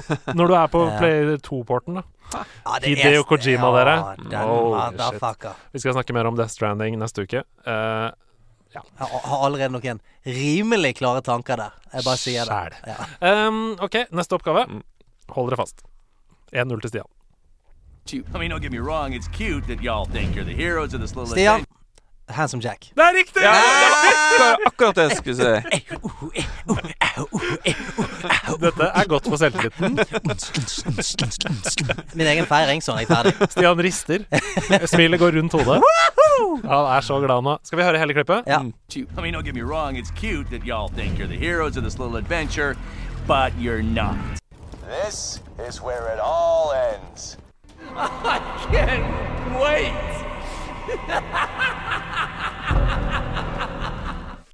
Har dere noen sånn favorittstemme, favorittkarakter i Borderlands-universet? Eh, Tiny Tina. Ja, ja. ja. Hun er gøy. Mm. Hun er gøy. Jeg er veldig glad i Marcus. Ja. Oh, Vault Hunters. Jeg liker Ellie også, med, med uh, Catch a ride! Ja, ja. Well, hello there. Jeg føler meg så gammel der jeg sitter. Jeg- Ja, det var ungdommen. Ja. Det var ikke, var ikke stemma i dataspillene da jeg vokste opp. Hva er din favorittsnakkeboble? Ja, nei, Hva er ja. din favoritt-scrolling-tekst? nei, men herregud, du dreper det nå, Stian. Ja, ikke, Eh, det, nå, sant? nå eh, får jeg det samme som du har med en bracelet. Nå er presset på. ja. Nå kommer jeg til å Nå, nå er jeg ikke like oppe i skoen lenger. Men Handsome Jack, altså, jeg tror kanskje det er en av mine favoritt-villains Mm. i spill. Uh, har du spilt noe Borderlands? Aldri spilt det Borderlands. Nei. Mm. Da er det to spill du aldri noe særlig har spilt, som, vi, som Stian har greid, de første. Og vi går videre til neste spill. Er dere klare? Mm. Stian.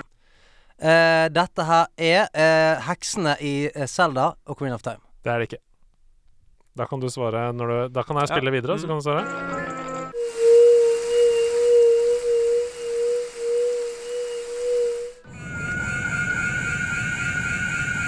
Stian. Ja, vi må ha Mattis med ah! først. Eh, det er jo noe skremmeaktig her. Mm, hva det kan være, da. Eh, må jeg bare gjette. Jeg har ingen anelse. Eh, Bare gjett, ja. Vi- Jeg bare tar opp mobilen. Jeg spiller litt mobilspill, og så jeg bare venter, jeg. Skremmende karakterer i spill. Er det noe fra Devil May Cry, tipper jeg. Nei, det er det ikke. Nå, Stian. Ja. Skullboy. Skull. Skull Kid. Ja! Skull Kid, altså, Skull Kid. det er Skull Kid det det, fra Majora's. Majora's Det er det, vet du. Jeg var litt, jeg var litt rask. Jeg var litt rask. Ja, vi hører hele en gang til. Dette Ja. er altså Skull Kid fra Majora's Mask. Den kanskje litt undervurderte oppfølgeren til Locarine of Time, som ja. du var inne på først her. Mm.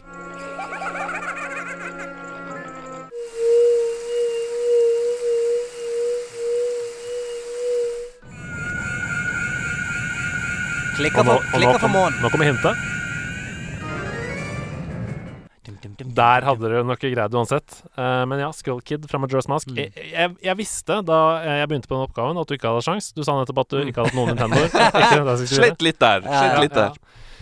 Hva syns du om din egen innsats? Eh, Jeg syns innsatsen var eh, middels, Ja. middels pluss. Jeg syns den var fin, jeg. Har du lyst til å gjette på uh, temaet? Du har jo vunnet, det er 3-0 her. Så vi, vi kan gi deg en mulighet. Ja, vi kan gjette på temaet for disse. Det er altså Psycho Mantis, Mm. Handsome Jack og Skull Kid fra uh, Majora's Mask. Mm, det må Er det noe mm, Skull Kid Det kan være noe død Er alle døde? Nei, uh, det er det ikke. Stian, vil du gjette? De, altså, jeg, klarer ikke alltid å lese hodet ditt, for av og til går det enkelt, av og til går det Mm. vanskelig. Eh, låt er And that's how I keep it interesting.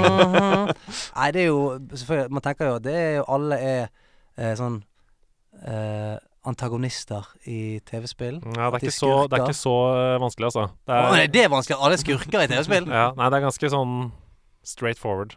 OK. Uh, Jeg er veldig stolt av denne. OK, er du det? Ok, Greit. Ikke, ikke si noe ennå, da. Bare la, la, la Ja, ja, ja, komme inn i, i Skal jeg gå og tisse? Skal jeg Eh, du kan tisse der du sitter. Tiss i sofaen. Eh, OK, skal vi se. Eh, Handsome Jack. Det er en tom flaske Urge her. Jeg tar den. Jo! Alle har på seg maske. Det er riktig! Bøyer meg i det støvet som ligger på, eh, på gulvet her, på gulvteppet. Ja, det er negler. Det er negler. Wow! Veldig bra. Du klarte alle oppgavene. Du Mm. klarte også at alle hadde på seg masker, Ja. som er det riktige. Jeg tror jeg skal gå nå, jeg, for det kan ikke eh, bli Jeg, jeg, jeg kom, kommer ikke til å føle meg bedre i dag enn jeg gjør nå. Så Nei. jeg tror jeg skal bare gå nå. Herfra går det nedover. Tusen takk for at dere spilte Mario eller Mordor.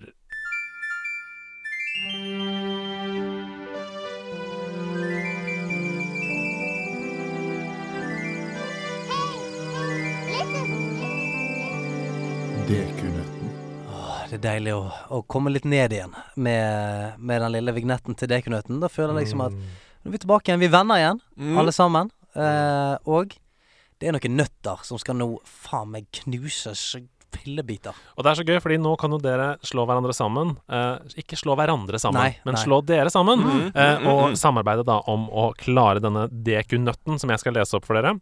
Det er dessverre ikke dekunøtt fra Sandra Lyng. Nei. Hun er eh, bortreist. Fikk ikke tak i henne.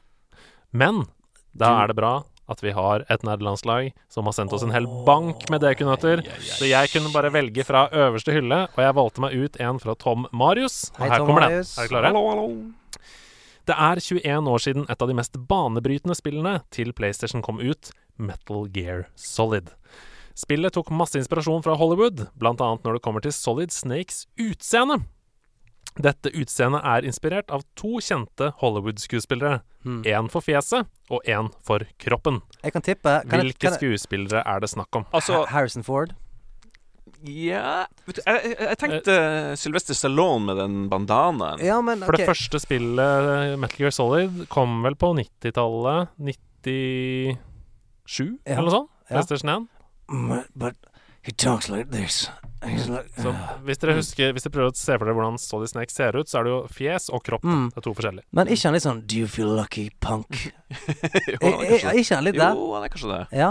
Og Så er det jo Hidio Kojima som har lagd det, så ja. Mm. Huh? Mm. Cause he talks like this. Dere er på en måte innpå noe eh, nå, med det dere gjetter nå, Mhm. eh, men da er vi med på kropp. Det er en sånn Nei. type Jo, fjes er ikke der. Å, nei, ok. For jeg tipper han er jo litt sånn Altså, jeg, jeg får litt sånn Dirty Harry av han, jeg, altså. Ja, det er ikke så feil. Nei. Er det riktig, da, når du sier at det ikke er så feil? Nei, men det er på en måte i samme gave. OK, okay vi, vi må leite litt. Okay, uh... Kropp, da. men Han er, han er jo muskuløs, ikke ja, han er jeg svidig muskuløs. Men han er, ikke, han er ikke en muscle boy, Men han er liksom. liksom ikke så stor. Han er ganske Nå, hvem er det dere snakker om nå? Jeg hører jo en eh, skuespiller Ja. i det dere sier. Men det er jo dette, vi må tilbake til 97. Hvem var det som var sexy? Jean-Claude van Damme, liksom.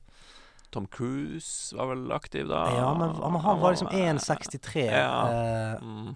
Men sånn Jean-Claude van Damme, er, Ja. er vi inne på noe der, liksom? Ja, kanskje. Han er også veldig liten, da. Ja, han er jo det. Men, eh, Men han, han bærer seg høyere. Ja. ja, han bærer. Altså når han ligger i spagaten her, tenker du han er 1,90. Han der. Ja. Ja. Mm. OK. Um, Noen andre actionhelter fra den som var på en måte big der. oh, shit. Men faen, du, du var inne på Sylvester Stallone der. Mm. Er det mulig at det er på en måte Sylvester Stallone i trynet og sånn Jean-Claude van Damme i kropp? Ja, Er vi, er vi inne på noe der, liksom? kanskje det er noe der. Føler han liksom litt spissere ansikt enn Sylvester Stallone, egentlig. Ja, men jeg mener mener ja. at han på en måte har den der jeg føler ikke at Selvfølgelig, det er ikke fjeset, det stemmer, men at han er litt sånn Mm. Han er litt forbanna hele tiden. Jævlig forbanna. Jeg kan ikke komme på jobb i dag. Han er liksom der. Ja. Og da får jeg liksom det, den Dirty Harry-feelingen. Men er, hvem andre er det som er der? For jeg føler jo OK, de store. Sant? Du har jo sant Fuckings Jo, vent litt nå! Um, Steven Segal. Mm. Steven Segal Ja. i trynet, kanskje. Ja, der er vi Ja. kanskje innom. Ja, ja, Steven. Segal i trynet Mm. og Jean-Claude Van Damme i kroppen. Der, ja, der, der, Ja, der har vi der vi landa. Yep. Yes. Yep, det er korrekt. Da begynner vi med det som står under her kropp skråstrek fysikk. Ja. Jean-Claude Van Damme! Ja, ja, ja. Veldig bra. Fjes. Christopher Walken. Oh, ja, Ja, ja. Du ser det for deg. Mm. Du ser musikkvideoen fra når han danser rundt i det huset der. Ja. Christopher Walken. Ja. det var gøy om han hadde stemmen til Christopher Walken òg. Men herregud, dere klarte Jean-Claude Van Damme. Ja, det er bra, det er bra. det er bra Vil dere ha et bonusspørsmål òg? Ja. Ja, ok. kjør på. Hvorfor spør jeg? Ja. Um, Nei, det, vi må videre. Eh, David Hater var ikke den som hadde stemmen til Snake i Metal Gear Solid 5. Hvilken kjent amerikansk skuespiller hadde stemmen til Snake? Vent litt. Open World, PS4. Ja. Kan det, det jeg lurer på, kan det være han fyren som spiller i Arrested Development? Uh, han med litt sånn lang nese. uh, Han hoved... Uh, ja, han, han, han, han er sånn her eh, Typisk fuck-up i familien. Jeg husker ikke han, han helt. Men han, Tenker han på tryllekunstneren. Ja, tryllekunstneren. Ah, han, ja. ja, ja. Ja, han Mm. spiller jo òg Han tror han spiller Batman òg i en av Han har den stemmen, han har den. Ja. He can speak like this. I made a big mistake. Ja. ja. Ja, det, det, det er et godt uh, Men hva i verden heter han for Ja, noe? Skal vi prøve å se om uh, quizmaster her godtar han fyren som vi snakker om? Altså, jeg godtar det som et gjett, Ja. Mm. men om det er riktig, det har jeg ikke tenkt å si. Nei, nei. Kan vi, skal vi gjette det? Vi- Jeg Ja, vi, vi gjetter Ja, det. Han har med den spisse nesen eh, i Arrested Development. Tryllekunstneren. Det er ikke riktig, dessverre. Han er ikke Uh, Jeg bare kødder. han Men kjent hvem kan Han kjent fra en annen TV-serie. Kan vi tippe en gang til? Ja. Han er kjent fra en annen TV-serie. Jeg tenker alltid på det. Det må være en fyr som kan gå ned der. Ja. Han blir steik forbanna. Det er helt riktig. Mm. Den TV-serien vi snakker om, har et visst tidspress over seg.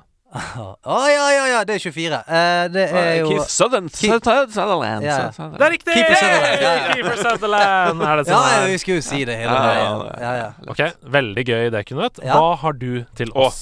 Nå skal dere få, uh, få kjenne litt på, uh, på hvordan det er å Han er gøy i dag! Han er gøy i dag!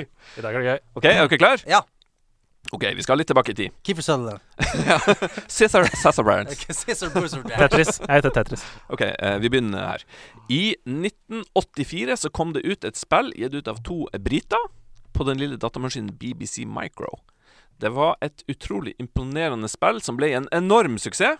Det var det første i sitt slag, og jeg regna mange for å være liksom bestefaren til en sjanger eller en type spill som det finnes mange av i dag. Og Spillet ble porta til mange datamaskiner etter hvert. Det fikk til og med en eh, Nintendo-versjon i 91, altså en NES-versjon. Og så, i 93 og 95, så fikk spillet en oppfølger. Og så måtte vi vente helt til 2014 før det kom en ny utgave i denne spillserien. Oi. Hva slags spillserie kan det her være, og hva tror dere eh, Hvis dere klarer det, hva heter han som er hovedmannen bak det her spillet? Å, helsike! Shatteron! Der har vi en spillutviklers eh, dekunett. Men du, Kan jeg bare si noe? armert. kan jeg bare si noe først? Mm. Um, denne tiden som han snakker om, Ja. 1984, Fire. Mhm. fire år før jeg ble født, Ja. uh, så var jo veldig mye uh, tekst-adventure og pek og klikk og sånne ting. Og vi sitter med en pek og klikk-fyr Ja. her. Uh, og det kom jo et ganske oppfølger pek og klikk. Larry. Ja, ja, er det Larry, eller hva? For det kom jo et um, Det var sånn kickstarta av han Å, hva faen heter han? Han legendariske spillutvikleren uh, bak Double Fine Games. Bugtable Fine. Han har lagd eh, Grim Fandango, for Ah, eksempel. Men, ja. Men det, det var jo Det var jo ikke et nytt spill i spillserien. For Grim Fandango var jo bare en one-off, var ikke det? Jo, men det kom Det kom da Han fikk jo eh, eh, kickstarta, folkefinansiert, et nytt spill i denne serien, tror jeg. Men er, vi liksom Lucas Art, uh, Sam Max uh, Du, det er det. Ja. Det er Sam Max. Max. Det er Sam Max. Sam Max.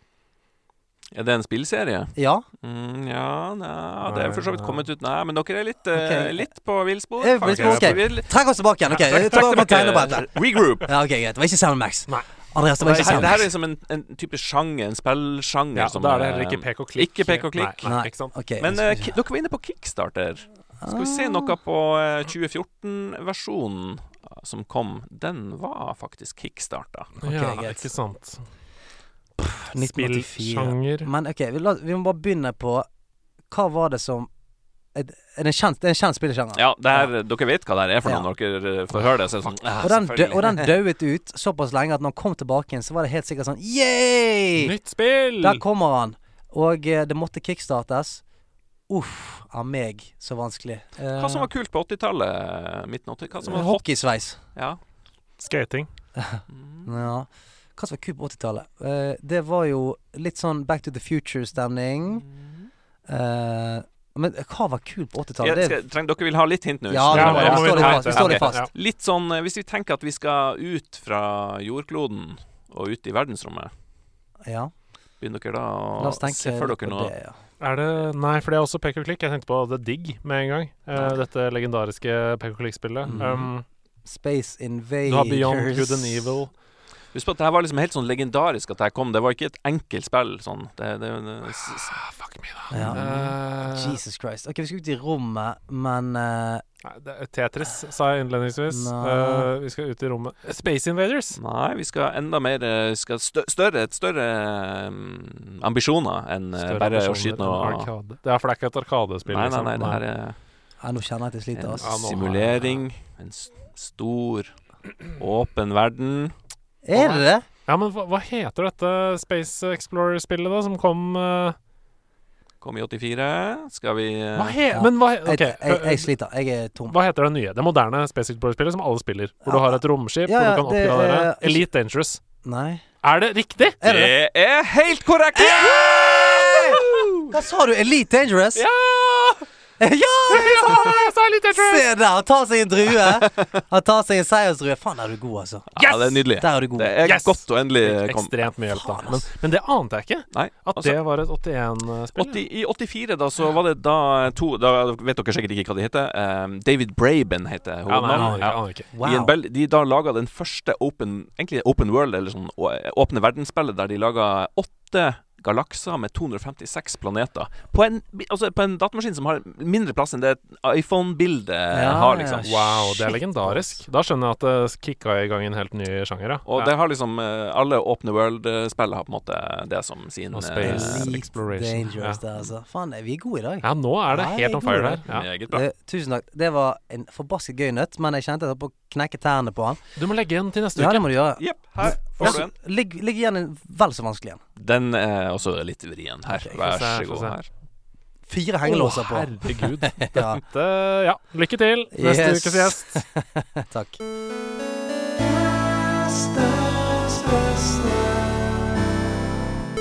Altså, hva gir man til en mann som har alt? Gode råd Ja. kan man gi. Altså sånn eh, eh, Nærlandslaget har jo en uh, utemmelig sult etter uh, gode råd, gode tips. Underholdning som kan spises, fortæres. Og der har vi heldigvis en, uh, en mann som nikker nå. Mm. Uh, s, eh, veldig eh, det, det er mye selvtillit i de tipsene du skal gi nå, ser det ut som. Ja, de her er jeg fornøyd med. Ja, okay. Altså, det her er gode, gode, ting, gode tips. Ja, Jeg må skyte inn én ting først. Ja. Eh, hva gir man til en mann som har hatt gode råd? Eh, pappa, blir, eh, pappa har bursdag på søndag. Ja. Han er jo 70. Um, jeg tror ikke han skal få gode råd av Jo, meg dette- til? Oi, oi, oi. De, eh, de Og gode innholdsråd, ja! Ja. Ikke sånn gode råd om livet. Nei, du, så, nei sånn, du, nå er du 60. Kanskje på tide at du klipper deg. Altså, det er mitt råd til deg, pappa. Uh, nei, så innholdsråd. Ja, Innholdsråd, innholdsråd. definitivt. Uh, og eh, disse du, du bare klipper ut disse rådene tematisk nå. Ja. Så gir du bare rett inn i far. Oh, nydelig. Ja, det er bursdagsgave. Ferdig Kan du begynne med en sånn kjære Knut? Kjære Knut, her er din bursdagsgave. Tusen takk, da sparte du meg for den butikken-turen. Ja, hva, okay. hva råd har du med deg? Du, eh, nå er vi jo i høstmørket, og det er kaldt, og det er mørkt. Da er det godt med noe god musikk. Ja. Eh, og en artist som eh, jeg har fulgt i noen år, som, eh, som er veldig veldig deilig å høre på. Eh, og hvis man går tur, eller hvis man trenger å skuldrene er litt sånn høyt opp under ørene, trenger å senke skuldrene og få litt sånn ro og og eh, puste litt, det er en artist som heter Tycho. Tycho. Mm, Tycho. T-Y-C-O. T-y-c-h-o. Å ja, Tycho. Ja. Tycho. Eh, det her er da en eh, elektronisk eh, artist som lager veldig sånn soft elektronika. Veldig, veldig behagelig. Veldig sånn i bakgrunnen. Veldig rolig. Veldig digg. Veldig Ikke sløvt, men sånn på en god måte at du føler at eh, nå eh, slapper jeg av. Ja, deilig. Jeg Veldig, elsker veldig. sånn musikk. Mm. Eh, det skal rett inn på mine lister. ass Og det som jeg vi trenger det nå på vei inn i julestria og julebord og alt det der. Og ting føles så viktig, og så du mye ansvar og sånn. Mhm. Ro deg ned. Hør litt på Taiko, Mm. Få det litt på avstand. Ja, ja, det er ikke så viktig, Tjommi. Er sant? Ikke så viktig, bro. OK, neste. neste. Jeg skal klippe ut det og ha som meldingslyd. Ja, ja, ja, sant. Når du tror at det kommer en eh, mail som sier 'Hvor er tingene?' Så, sånn, så får du bare 'Hei, Tjommi. Slapp av, mann'. Skal jeg faen spille inn til meg sjøl. Mattis.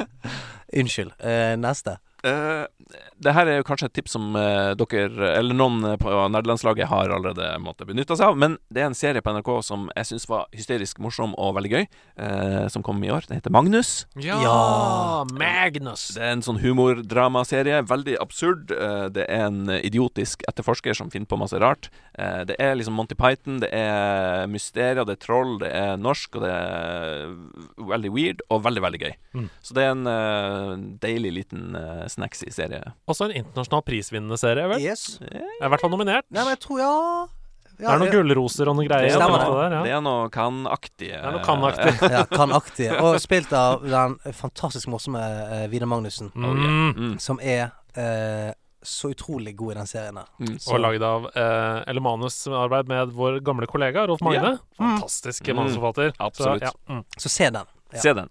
Eh, til slutt, eh, et lite spilltips. Uh, Dette er et eh, spill som eh, Jeg vet ikke helt hvordan jeg oppdaga det, men det, jeg har spilt det og kost meg veldig masse med det. Det er uh, Yokus Island Express. Ja! Ja! Ja! Ja! Oi, Ja! ja! det har du spilt. Ja, eh, og det er på Jeg har spilt på PlayStation. Mm. Det Har du- finnes på PlayStation, det finnes på, jeg spilte på Switch, det finnes på PC, det finnes på, det finnes på alt, tror jeg. Ja, Fortell, hva er det for noe? Det er da en slags Metroidvania-aktig pinball-plattformer. Eh, som høres litt rart ut, og det er litt rart, men det er da du eh, l- styrer ei lita bille, en liten ball, ut i et veldig veldig sjarmerende jungellandskap, der du åpner opp eh, mer og mer av denne verden med å liksom sprette denne ballen med forskjellige sånn pinball-aktige eh, funksjoner som ligger rundt i landskapet. Utrolig sjarmerende, utrolig fin mu- musikk, utrolig eh, Ja, det er bare et utrolig sånn feel good eh, For alle de da som spilte pinball da de var små, altså DX. flipperspill, Mm. Um, og som syns at det beste med å spille Jeg spilte veldig mye et spill som het Timon og Pumba Pinball oh, ja. til PC. Mm. Uh, og, og de som syns at det beste var å åpne nye verdener og komme videre inn i andre brett, og så skal man spille der og sånn. Mm. Du gjør det hele tiden Mm. i Yokus Island Express. Mm. Uh, og det er, som du sier, veldig sjarmerende, veldig gøy. Uh, og jeg spilte det på PS4. Jeg angrer litt på at jeg ikke spilte det på Switch, for jeg tror det er det perfekte Switch-spill. mm. Oh yeah. Ja. Timon og Pumba pinball. Har du da én tjukk og en tynn flipper? Nei, det, det var okay. um, Timon tror jeg var selve ballen, og så var det Pumba som du dro i halen for å skyte Ja, ja, det det. ut Timon. Ja. Funker for meg. Ja, veldig gøy. Eh, flere? Nei, det var egentlig de tre. Et lite knippe med høsttips. Og det var rent gull. Eh, for å oppsummere, da. Eh, I feil rekkefølge. Jokus Island. Express. Express, Jokus Island Express. Jeg ser i NRK-playeren din. Magnus, veldig gøy. Og så har vi Tycho for eh, den tøffe tiden. Og så helt til slutt, klippe ut eh, Stians stemme og ha som meldingslyd. Ja, det kan vi gjøre. Slapp av, tjommi.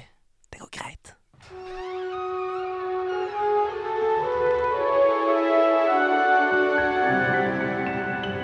Troféskapet.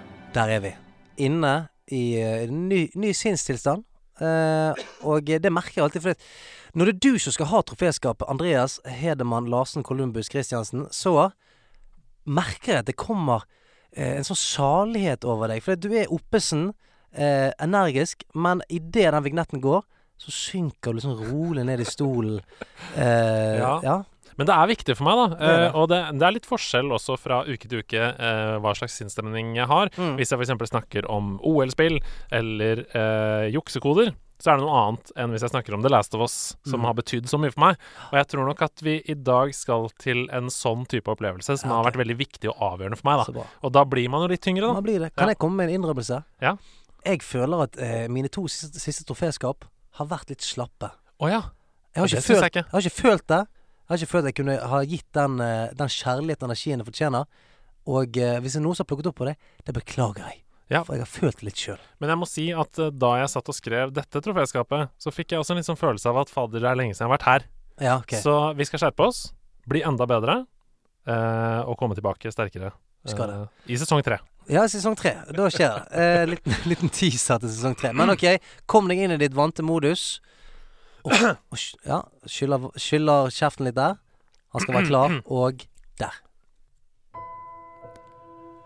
Jeg husker høsten 2011 som spesielt mørk, kald og regntung. Jeg var midt i det tøffeste året i utdanningen min, og jeg hadde oppgaver hengende over meg på alle kanter. Det gikk heller ikke spesielt bra på hjemmebane. Jeg var langt nede. Men som så mange andre ganger i livet, så reddet vennene mine meg fra virkeligheten ved å ta vare på meg og si, enten i undertekst eller direkte, at det kom til å gå bra. Og hvis det ikke gikk bra, så kom det til å gå over. Disse vennene de heter Anders, Truls, Trygve, Stian, Syver og Mats, og de bodde sammen i et hus på Ullern i Oslo. Min spillkarriere hadde ligget nede for telling en stund av ulike årsaker, men i stua på Ullern så hadde Stian en Xbox 360. Jeg hadde ikke noe særlig forhold til Xbox, jeg hadde bare sett min kompis Gard spille Halo og et par andre spill noen år tidligere. Denne høsten så hadde det kommet et spill som Stian hadde ventet på i årevis, og som skulle forandre livet mitt for alltid. Det er ikke sikkert jeg hadde vært med i nederlandslaget hvis ikke det hadde vært for at Stian den 11. i 11. 2011 ga meg en Xbox-kontroll i hånda og sa at jeg måtte spille Skyrim. Jeg hadde aldri spilt et The Elder Scrolls-spill før, og jeg ante ikke hva som var i vente.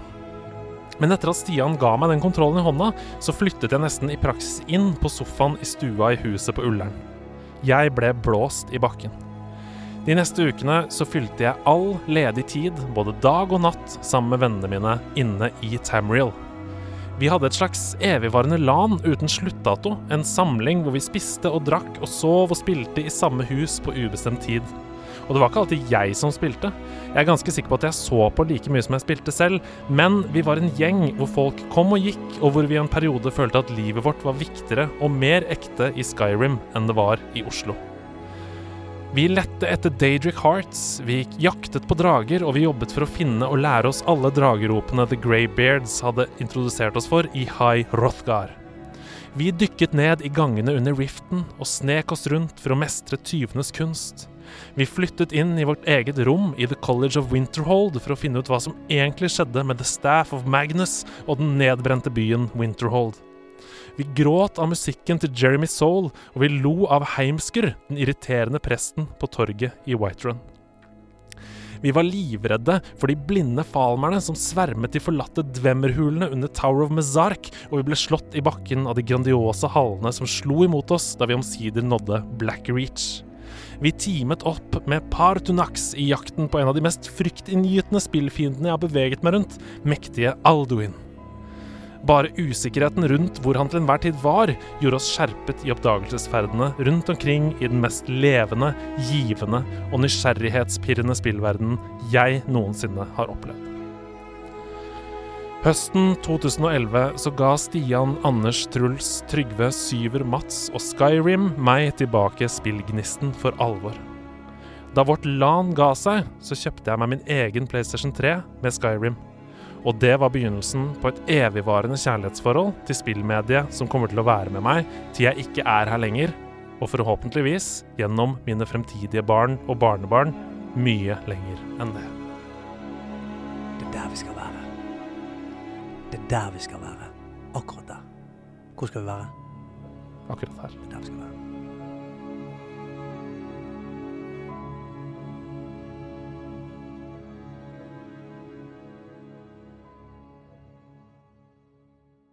Spillklubben. Men er det landslaget? Spillklubben. Men er det landslaget? Spillklubben. Skru av musikken! Skru den av! Oi. Få han DJ-en å den av. Eh, Oi, shit, han ble veldig lei seg. Ja, men så, det var, jeg, jeg var litt brå. Det var ikke meningen, men jeg, jeg ville bare at han skulle høre meg over musikken. Ja. Det var ikke meningen. Sorry. Sorry! Sorry! sorry. Han driver og sniker seg bak Mattis nå. Ja, beklager. Er det kleint? Um, men eh, det er dumt Går det bra? hvor- Hvorfor, hvorfor har vi leid han inn en gang til? Jeg Når vet vi, ikke. vi, vi vet at ikke vi skal ha Det er jeg som er produsent. ja. Jeg har ansvaret. Vi tjener ingen penger. Vi bruker masse penger på DJ. Hva er det vi holder på Unnskyld, med? jeg beklager. Går ikke rundt dette her. Nei. Eh, ok. Come back next week. Yes. Ja. Og en engelsk. Ja. Jeg har snakket norsk til han hele tiden. Ja, det er derfor, kanskje derfor han er litt snurt. Du, det er ikke spillklubben eh, denne gangen heller, men neste gang så lover vi å, eh, å knyte en, en rosa sløyfe rundt eh, Destiny 2 Shadowkeep. -hmm. Men eh, vi har derimot en fyldig tavle med flagrende Post-Its. Yes. Ta de for oss. Ok, og vi har jo da eh, vært ute på Discord og eh, spurt etter spørsmål til For nå er, er vi jo så heldige at vi har noen som faktisk jobber med spill her. Mm. Eh, og det er jo mange som har spørsmål eh, knytta til det. Så først og fremst eh, Sneak har sikkert et spørsmål her. Hva skal til for å skille seg ut som spillutvikler i 2019, når man ser på ting som AppStore eller PlayStore oversvømmes av disse av i gåseøyne søppel? Er sertifisering for konsoll et slags kvalitetsstempel? Eh, det er det til en viss grad. Eh, nå har det jo blitt enklere å lansere på konsoll enn det, det var i gamle dager. Men det er fortsatt et sånn, de er ganske strenge. Altså, når jeg laga Switch-versjonen av mitt spill, så var det, det ganske mange faser du skal gjennom, og mange sjekker og mange kontroller du skal gjennom før du får lov å gi ut noe der. Vet du hva, Det tenkte jeg på tidligere, for jeg så den Nintendo Switch-traileren til Milkmaid over Milky Way en gang til. Og det er, bare, det er noe sånn mektig bare ved at den begynner med det derre klikk, og så kommer Nintendo-logoen. å få den tilgang til den fila der fra, Ja. rett fra Nintendo, å få det Ah, Det er deilig. Mm. Altså, når det står til slutt sånn Nintendo Switch, og så sto det også 'This is a trademark of Nintendo'. Bare, ok, her er det noe som har Men hvordan er den prosessen nå? Bare i korte trekk? Eh, I korte trekk så eh, må du selvfølgelig lage et spill, og, så eh, skal det her da sjekkes i høy og ræva av Nintendo at det funker på alle måter, og det, det, må, sjekke, det må alderskvalifiseres, altså sånn klassifiseres. Eh, og så er det mange sånn tekniske ting som de sjekker da. Eh, de går gjennom de, Det er faktisk noen som sitter og spiller og spiller da, og finner forskjellige bugs eller forskjellige ting som eh, eh, Altså, her var det eh, Det her funka ikke på fransk, f.eks. Ja, Den sant. knappen der eh, skal se sånn ut. Eller her har du skrevet joycons uten mellomrom i teksten, f.eks. Så de er skikkelig på pirkeren. Så, eh, men eh, det, et, det gjør også at det er et kvalitetsfilter, da. For det har du ikke det samme, på samme måte i eh, AppStore og PlayStore. Nå som du har solgt det til Nintendo, er du rik? Ja, nå eh, skal jeg bare rett ut og bytte ut den BMX-en min med en rød sportsbil. Nei, det er jo ikke Det er ikke så veldig masse penger i pek og klikk-spill som jeg hadde håpa på. Du må få sånn pay to win. Sånn, Pay to win. eh, Det det. Kjøp denne pakken her, så peker han foran deg og klikker for deg. Men det som er gøy, det er å se at det er jo Det er kult å se at eh, spillet har fått eh, et publikum. Mm. Eh, og det er fortsatt eh, liksom folk som kjøper det, og det, det er gøy å se at eh, på sikt så kommer det her til å bli en, en bra Forhåpentligvis en bra levevei. Ja, det blir rik i sjel, i hvert fall. da. Det blir man jo alltid. Mm. Ok, vi går videre. De beste eksemplene jeg kommer på som har gjort noe lignende som Mattis og lykkes i stor grad, er f.eks. Notch med Minecraft og Eric Barone med Stardew Valley.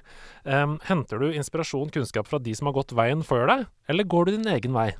Eh, gå min egen vei Mm, ja, Det skjer noe veldig vakkert her nå.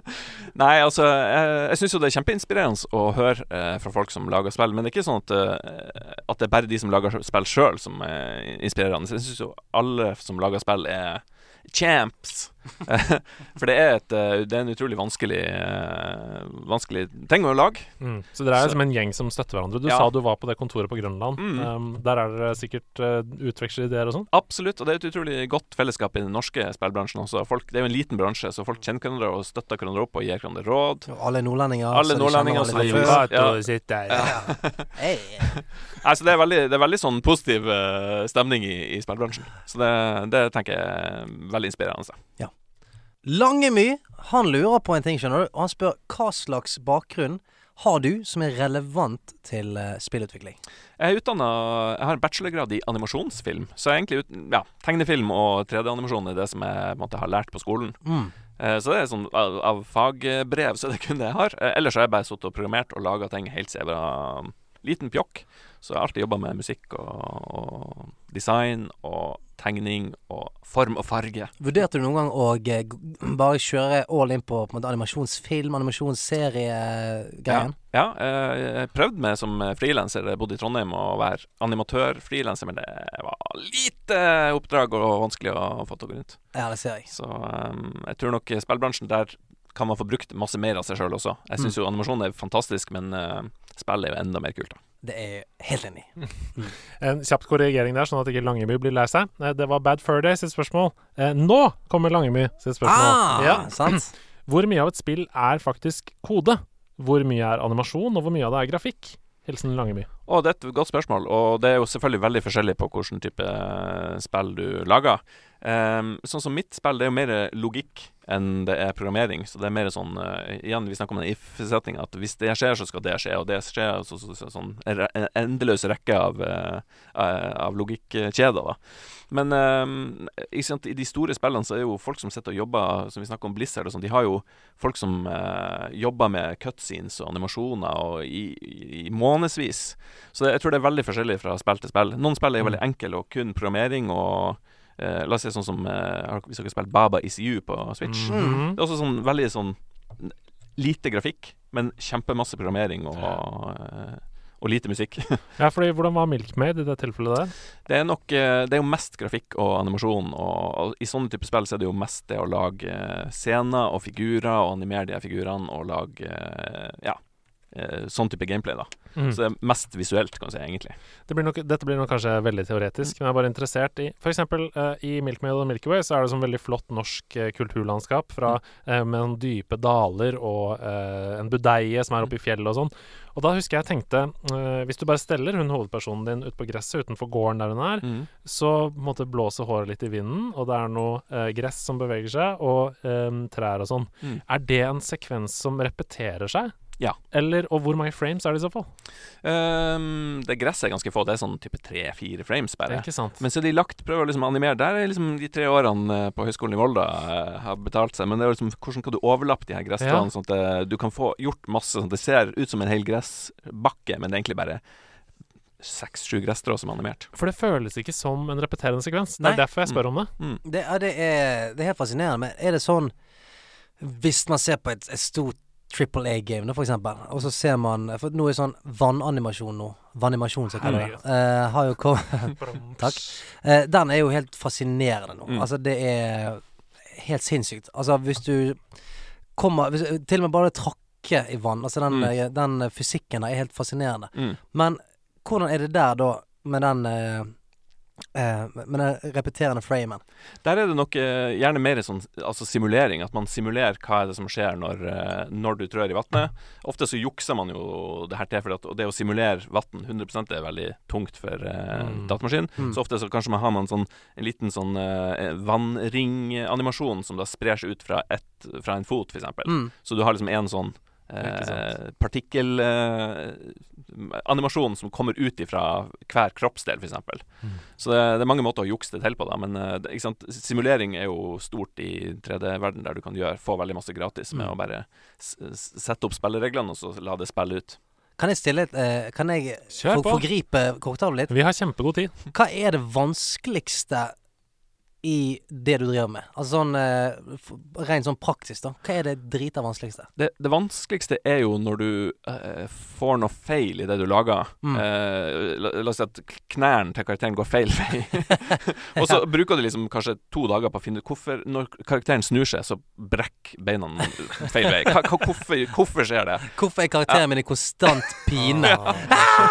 Og det er litt som å lete etter nøklene sine, og så må Ja. du løfte på alt i hele Ja. leiligheten, Ja. og overalt. Mm. Er det sånn? Så det, det, er, liksom, det er nesten det, det verste, er liksom å gå og lete etter og finne svaret på sånne problemer som dukker opp. For det, altså det er jo stort sett problemløsning. Så hvis man er interessert i dataspill for det, og, og, og holder på med det, så må man også være veldig glad i å måtte, løse problemer, finne smarte løsninger. og Masse røyk og speil for å lure eh, spilleren, sånn at det skal se, se bra ut. Men da, da saumfarer du koden? Mm. Det kan og man se og figurene, finne ut hva Ok, da er det knærne her. De har en funksjon som gjør at hvis foten går den veien, så Oi, der brakk det. Ok, da må vi, kan ikke vi ha den Shit, funksjonen på. Herlighet. Det høres ut som verdens kjipeste kjeller, som Ja. er full av esker og skap og alt mulig, Mm. og så skal du finne en nål som Mm. ligger inni ett av de scenene. Der har vi han. Ja, Ja. fy flate.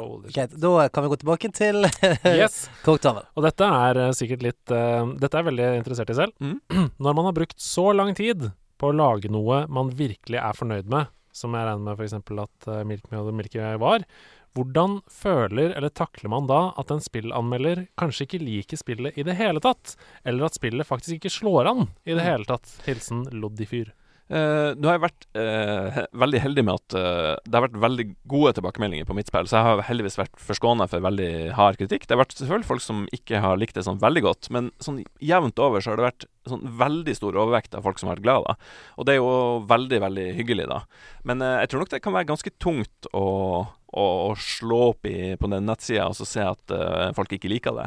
Mm. Men samtidig så tenker jeg at hvis du er fornøyd med det du lager, og du har liksom vært ærlig med hva du prøver å prestere, og hva du ønsker å gi til spilleren, så er på en måte det Da har du gjort ditt. Mm. Så får folk spille det på sin måte og, og føle det de føler. Men uh, i mitt tilfelle så har jeg som sagt vært, eh, fått veldig god omtale, da. Så Mm. det er, og det er jo også veldig, veldig, veldig, veldig rørende. da Få fanbrev og folk som har grått for første gang når de har spilt et dataspill. Det er jo også sånn Det varmer jo helt Wow. fantastisk Ja, da når du sitter og og, og leser det på, eh, på datamaskinen sin. Det. Men er det sånn da at når du på en måte dagen før, da, og du vet at i morgen skjer det, du legger deg i senga Det er litt som før julaften for Mm. et mm. barn. I morgen skjer det. Mm. Er, er du redd? Ja, men også fordi at det er så teknisk komplisert også, så du, du er livredd for at OK, hvordan håper, fikser vi de knærne, liksom? Eller er det som det første folk går går rett ut og så Nei, faen, det var den knebøyen igjen. Så eh, man er jo litt sånn redd i starten, da, eh, for hvordan skal det her gå. Mm. Så det, det er ganske skummelt å trykke på den eh, launch game-knappen inne i Steam eller på oh. AppStore. Er det det som skal til? Er det bare liksom publiser? Det er en sånn så er publisering. Det er en sånn stor grønn knapp som du skal faktisk trykke på. Sånn. Der er det gjort. Men for å oppnå sånn Are you sure? Ja, det er faktisk du må, eh, På Steam så mener jeg at du må skrive inn en eller annen sånn Ja. uh, I have fixed the yes, knees. The knees are okay. Wow. Jeg skjønner at folk uh, um, Hvis det er en sånn svær grønn knapp du må trykke på, Mm. så skjønner jeg at det er mange ting som aldri ser dagens Ja. lys. Mm. På en måte. Faen, var det Var det, ve var det den versjon 15 jeg lå ut på, eller var det fuckings Å, shit! Og det er umulig å gå tilbake. Ja, ja. Eller var det versjon 14 med de knærne? Å nei! Ja, den er This is the one. This is the final one, version Ja, ja, 2. ja. This is the Ja. really final one. Ja, listen to me, this is Å, shit, altså. Ah, ja, ok. Det var egentlig de konkrete spørsmålene, men det er fortsatt en del spørsmål igjen, hvis dere har tid til å uh, sitte her litt til. Ja, ja, ja. Ja, ja, ja. Ok. Kjære Blipp og Hedemann, og også eh, i dette tilfellet vår kjære gjest, kan dere fortelle litt om hvordan hverdagen deres er utenom nerdelandslag og gaming? For eksempel jobb, andre hobbyer, kattepuser osv. Ja. Elsker dere! Wow. Ah, tusen hjertelig. Hilsen Master Balls. Hei, Skal vi begynne med gjesten, da, kanskje? Ja, min hverdag er jo veldig Jeg prøver å jobbe veldig sånn eh, kontortid med det spillet mitt nå. Prøver å ikke jobbe i helgen, så jeg jobber liksom Jeg er på jobb eh, halv ni Mm. til fem cirka. Jobber, jobber, jobber, jobber, jobber. Og så kommer jeg hjem, og så har jeg to døtre som jeg må kjøre på trening, og diverse aktiviteter, og, og husarbeid, og alt det kjedelige. Og så noen TV-serier, litt gaming kanskje, tyner inn innimellom. Ja, det har blitt såpass mye mindre av det, ja. Definitivt mindre spilling nå Mm. i den fasen jeg er i nå. Mm. Hedemann? Ja, du, eh, jeg jobber jo mye på denne jobben hvor vi sitter på, som ikke har så mye med spilling å gjøre. Jeg lager en del reklame, lager en del TV, lager en del eh, faktisk andre podcaster. Eh, Lager du andre podcaster? ikke hvor jeg er programleder, da, eh, men hvor jeg kanskje for jeg- sitter bak spak og klaff, Jeg for har sett, jeg har sett lange hårstrå på frakken din. Ja. Er du utro? Nei, med meg? Nei, jeg lover. Jeg Din makker? Men eh, generelt på hjemmebane så har jeg jo verdens beste kone, som jeg er veldig, veldig glad i. eh, som jeg eh, elsker å komme hjem til hver dag. Det er helt fantastisk. Vi spiller masse TV-spill, vi kjører masse scooter eh, når vi kan det. Nå har vi parkert dem for sesongen. Nå. Vi gjorde det faktisk i helgen nå. eh, og Var det, var det noe rituelt over det? Ja, det er litt sånn Ja. eh, For da parkerer vi dem i oppvarmet garasje hos mine foreldre, og så går vi da opp til T-banen og tar T-banen hjem igjen. Og da er det sånn Du står på T-baneplassen og bare Ja, da var det månedskort, da. da er vi i gang med det kjøret. Ja, det er noe vondt over det, altså. Nei, Ja. men uh, vi har det veldig bra sammen. Uh, vi deler mange av de samme hobbyene, og det er jo en stor fordel. Mm. Det er fantastisk. Hva med deg? Du, jeg, eh, jeg Jo, så har vi to puser. Ja! To kattepuser. Så kjekt. Og hva heter de for noe, da? Prikken og Sukker. Sukker. Ja, tror du på det der, altså? Ja. Sugar. Men jeg håper du når du roper på han, så sier du det. Ja, Henne, selvfølgelig. Ja. Ah, jeg sa, ja, ja. Suki! ja, for det er umulig å si Suki. Du sier Suki? Ja, jeg sier alt mulig. Snukkipus, sukki, smutthullet. Smutthullet? Hva faen er det for en ting å kalle katten sin? Nei, det var sjukt. Det er mange, det mange, mange, mange, mange kaller det. Sugar. Ja. Noe andre dyr du også hiver inn i miksen? Ikke annet enn vår robotstøvsuger Sonja. Oi. Sonja støvsuger. Rojalt navn der, altså. Dronningen. Dronningen vasker også gulvet, på en måte. Mm. Min Jeg blir jo 30 nå i januar. Gratulerer med det. Takk. Ja, det er litt tidlig å si gratulerer, men jeg Nei. Nei, det er ikke. Det. Eh, og min gave til meg sjøl skal være, og det jeg bestemmer for, det er tid. Jeg skal gi meg sjøl gaven å jobbe halvparten så mye. For det er nå eh, Jo, takk. Takk. Bra, bra, bra. bra. For det, akkurat nå så tror jeg jeg har sikkert syv jobber. Eh, så jeg står opp eh, før fuglefiser. Ikke av eget ønske, men eh, fordi jeg har en datter som eh, er verdens blideste og verdens fineste, men hater å sove. Litt sånn som faren. Så er det opp der. Gi litt eh, grøt i søvne. Eh, kommer jeg går på jobb, og da sitter jeg Jeg sitter som oftest eh, liksom på dagtid på Senkveld-redaksjonen. Lager intervjuer til gjester, spiller inn eh, gøye videoting, eh, alt mulig. Og så, eh, etter det, så har jeg ofte liksom jobb nummer to etter det, før jeg går hjem. Og det er enten podkasten her, eller så har jeg en, en sånn roast-show som jeg er litt involvert i, som jeg lager. Og så eh, driver vi og prøver å lage ting for Instagram, liksom kommersielle ting. Og vi har eh, gjør litt standup-show her og der. Gjør noen firmajobber i helgene. Eh, og, og man må ofte ha møter med de og sånn i forkant. Så eh, til slutt så er det Jeg tror jeg har sånn 75 mail eh, hver dag på telefonen min. Eh, og det er liksom fullt trøkk. Og det må jeg bare si at dette her er det gøyeste jeg gjør. Ferdig snakket. Eh, fuck alt annet. Jeg syns dette her er det gøyeste. eh, selvfølgelig. Diggeste jeg vet, er å komme hjem til familien nå. Det er liksom deilig. Vi har vi, kjø vi bygde et hus nå i sommer, og det å komme hjem da til et hjem og en datter og en kone, det er liksom eh, Jeg tror det er det jeg òg Jeg har fått en litt sånn tidlig, ikke midtlivskrise, men en sånn midtlivs eh, eh, Forståelse. ja, forståelse. Sånn Mm. at eh, det har liksom gått opp for meg at familien min er det viktigste, og eh, at måte det å ha det bra og være lykkelig er det viktigste. Så nå skal jeg bare prøve å fjerne halvparten, og så bare bruke dobbelt så mye tid på de tingene som, eh, eh, som jeg har lyst til å bruke tid på. Veldig bra. Du har blitt voksen og blitt 30. Men eh, jeg må bare si, for det tror jeg er litt sånn viktig å si um, Vi tre som sitter her, Mm. er jo så heldige da at vi får lov til å jobbe med det vi absolutt har mest lyst til å gjøre i hele Ja, ja, verden. er du gal? Men det betyr ikke at uh, man blir lykkelig av å bare gjøre det hele tiden. Nei, nei. Og det eh, håper jeg alle som hører på også vet. At er liksom, hvis du f.eks. gjør det du elsker å gjøre, men føler sånn Å, jeg er veldig sliten. Ikke føl at du ikke setter nok pris på det. For det er helt vanlig. Ja, ja. Eh, alle trenger, og sånn som du sier nå, du skal ned i 50, liksom. I hvert fall kanskje 50 av halvparten Mm. av det du gjør i dag. Ja. Da tror jeg kanskje du kommer til å sette enda mer pris på det som er igjen. Jeg tror det, altså. For jeg alltid sånn Siden jeg var Altså, jeg begynte å stå på scenen da jeg var sånn 15 år. Og eh, altså siden jeg liksom begynte å gjøre mye av det når jeg var sånn 18 og sånt, så har jeg vært sånn skikkelig karrierejeger. Altså sånn virkelig bare huntet, vært sånn blodtørstig, gått for det og jobbet steinhardt. Og nå merker jeg sånn Nå, eh, nå gjør jeg det bare mer og mer og mer og mer hele tiden. Sant? For etter hvert som det går bra, så får man flere ting, og det er gøye ting, og man sier ja, OK, kjør på.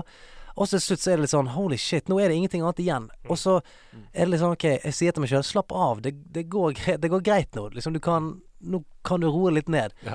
Eh, det er folk som er glad i deg uansett. ja, men det er litt så skummelt, sant. Det er litt skummelt fordi man føler at OK, men hvis jeg fjerner det som har fått meg her, hva er det da som Faen, eh, hvordan kommer det til å være? Mm. Hvis jeg legger vekk han der, eh, han der terrieren, han som er oppe og jager hele tiden. Det går helt fint. Ja, Jeg tror det. Jeg tror også det går helt fint å ta det litt mer med ro. Det, Jeg har ta det for en som er bikka 40, så er det De rolige periodene i livet er de beste. Det jeg har lyst til å spørre deg, Mattis, fordi Mm, um, du jobber jo frilans. Så jeg, noe så har jeg en hund, og så Nei. Jeg, jeg, Du har ikke en hund?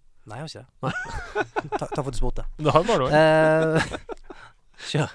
Ja, nei, jeg bare eh, tenkte på mm, eh, at du jobber jo frilans. Du har ikke noen sjef som sier til deg den skal leveres til da, det tidspunktet. Mm. Annet enn at jeg vet ikke om nå kanskje Nintendo eh, henger over deg på en bracelet da, og Mm. sier du skal være ferdig til da! Men um, det kan jo også gjøre at man jobber altfor mye. Det er faren, altså. Det er veldig skummelt det å, å, å ta på seg for masse jobb. Og spesielt når man har ansvaret alene, så det er fort gjort å, at ingen andre står og stopper deg og Mm. eh, spør Hei, skal, du, skal ikke du gå hjem? Skulle ikke du vært hjemme? Mm. Men, har du eh, kjent på det, eller? Nei, egentlig ikke. For jeg har vært veldig tydelig på det. At jeg har liksom en, en prøver å ha det her som en fast jobb. Mm. At jeg går hjem eh, til et visst klokkeslett. Da trenger familien meg. Og det har vært, tror jeg, vært redninga. Hvis ikke så tror jeg hadde uh, jobba meg i hjel. Ja, akkurat det. sant? For det, du kan jo på en måte jobbe så mye Altså I hvert fall når du driver i et kreativt yrke, Ja. så er det sånn Du kan alltid gjøre litt mer og Ja, pumpe ja. på litt mer.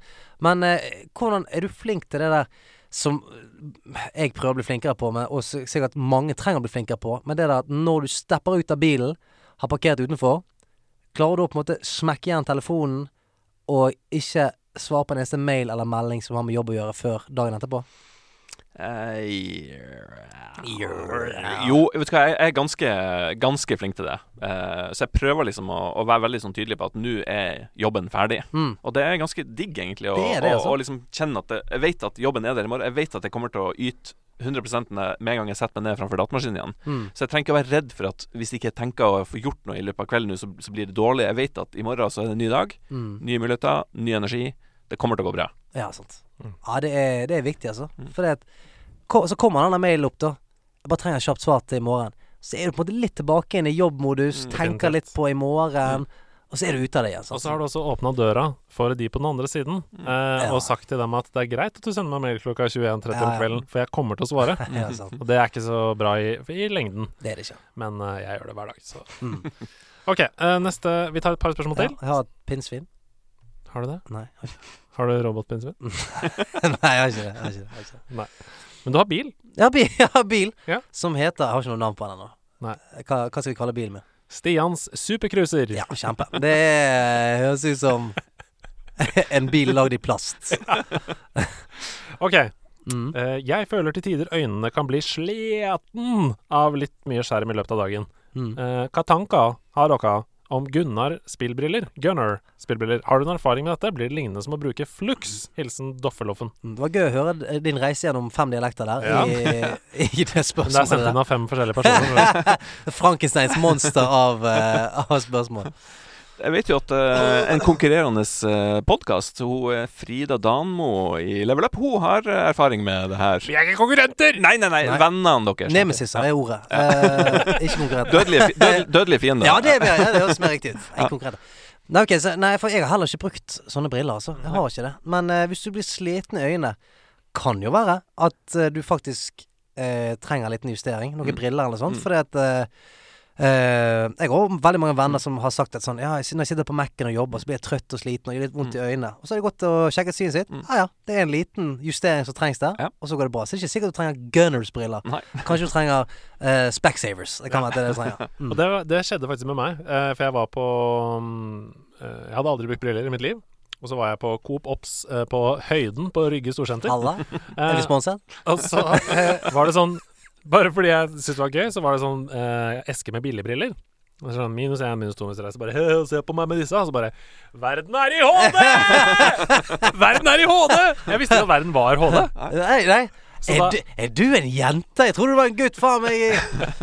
Nei, så da innså jeg at jeg trengte briller, og gikk og fikk en liten sånn sjekk, og det var minus én, gitt. Det er ikke så mye, Mm. Nei, nei. men det er lite grann. Det, sant? det er nok til at det er slitsomt for øynene. Definitivt. Så du går Eh, fra PlayStation 2 til PlayStation 4. Vil Ja, definitivt. uh, Coop Ops uh, høyden har aldri sett bedre ut. Nei, reddet livet ditt, da. Ja, Mm. nei, uh, men jeg er jo veldig glad i Flux, det skal jeg si. Jeg bruker jo det programmet på eh, Det er det som heter Night Shift Mm. på Mac-en. Eh, Ja, det som gir, gir deg en slags sånn Ja. Mm duser.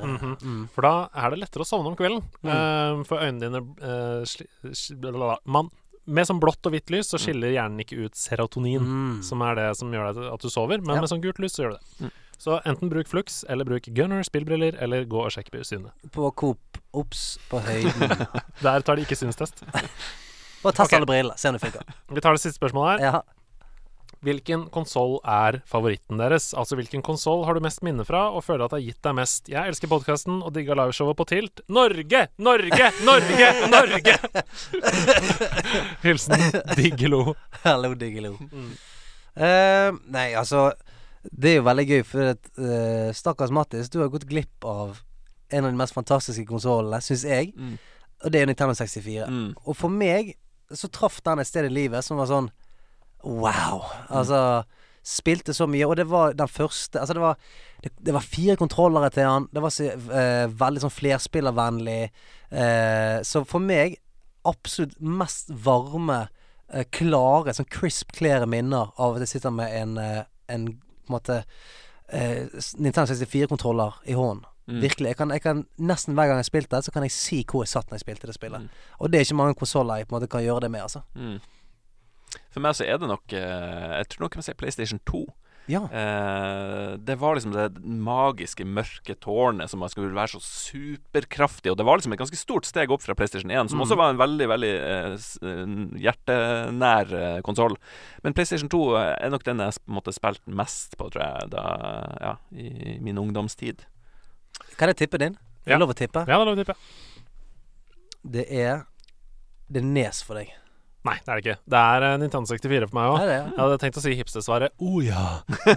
Oh, ja, ja. ja. Oh ja. Nei, det var det ikke. Nei, det er Nintendo 64 for meg også, for det er så mye der. Det er liksom Ocarina of Time, spilte masse. Um, Mario Kart, selvfølgelig. Mario Golden Night. Du vet alle disse tingene som jeg har så varme, gode minner til. Og vegg-til-vegg-teppe og kjellerstuer og furu og alt.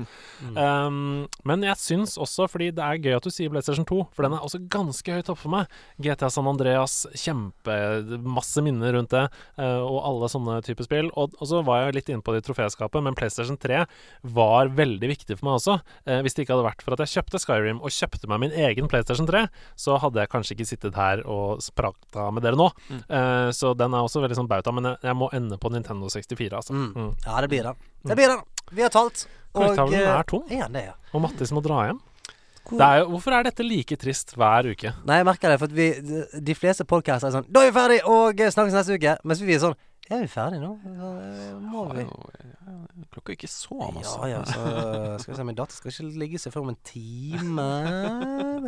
Nei, vet du hva. Det har vært eh, eh, skikkelig skikkelig interessant og gøy og fint å ha deg på besøk, Mattis. Det har vært kjempestas å få vært i kjellerstua deres, altså. Ja, vi kan ikke ha og, Altså, vi ønsker deg så mye lykke og hell på veien mot ditt neste spill. Og eh, hvis det er sånn at folk har lyst til å oppleve eh, ditt første spill, Mm. ikke The Madhouse, eh, men uh, Milky Made. Mm. så, kan, så er det ute på Switch nå. Det er ute på Switch, det er ute på Steam, det er ute på Apple og på Google. Så det er liksom stort sett alle plasser der du kan eh, spille dataspill. Hvis vi, vi- hvis vi det er kjempe, kjempe, kjempebra. Ja. Det må jeg bare si også. Hvis jeg skulle anmeldt det Ni av ti. Oi, Ja, oi, ser man oi. det. Og hvor, hvis, hvis man har lyst til å vite mer om måte deg og det du driver med, hvor kan de finne det?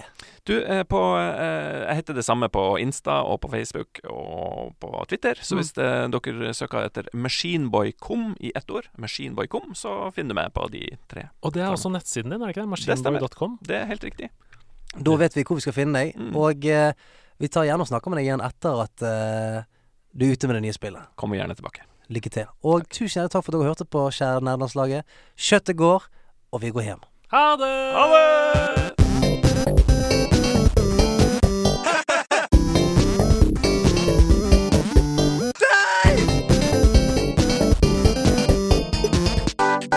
Nerdelandslaget. Den er grei.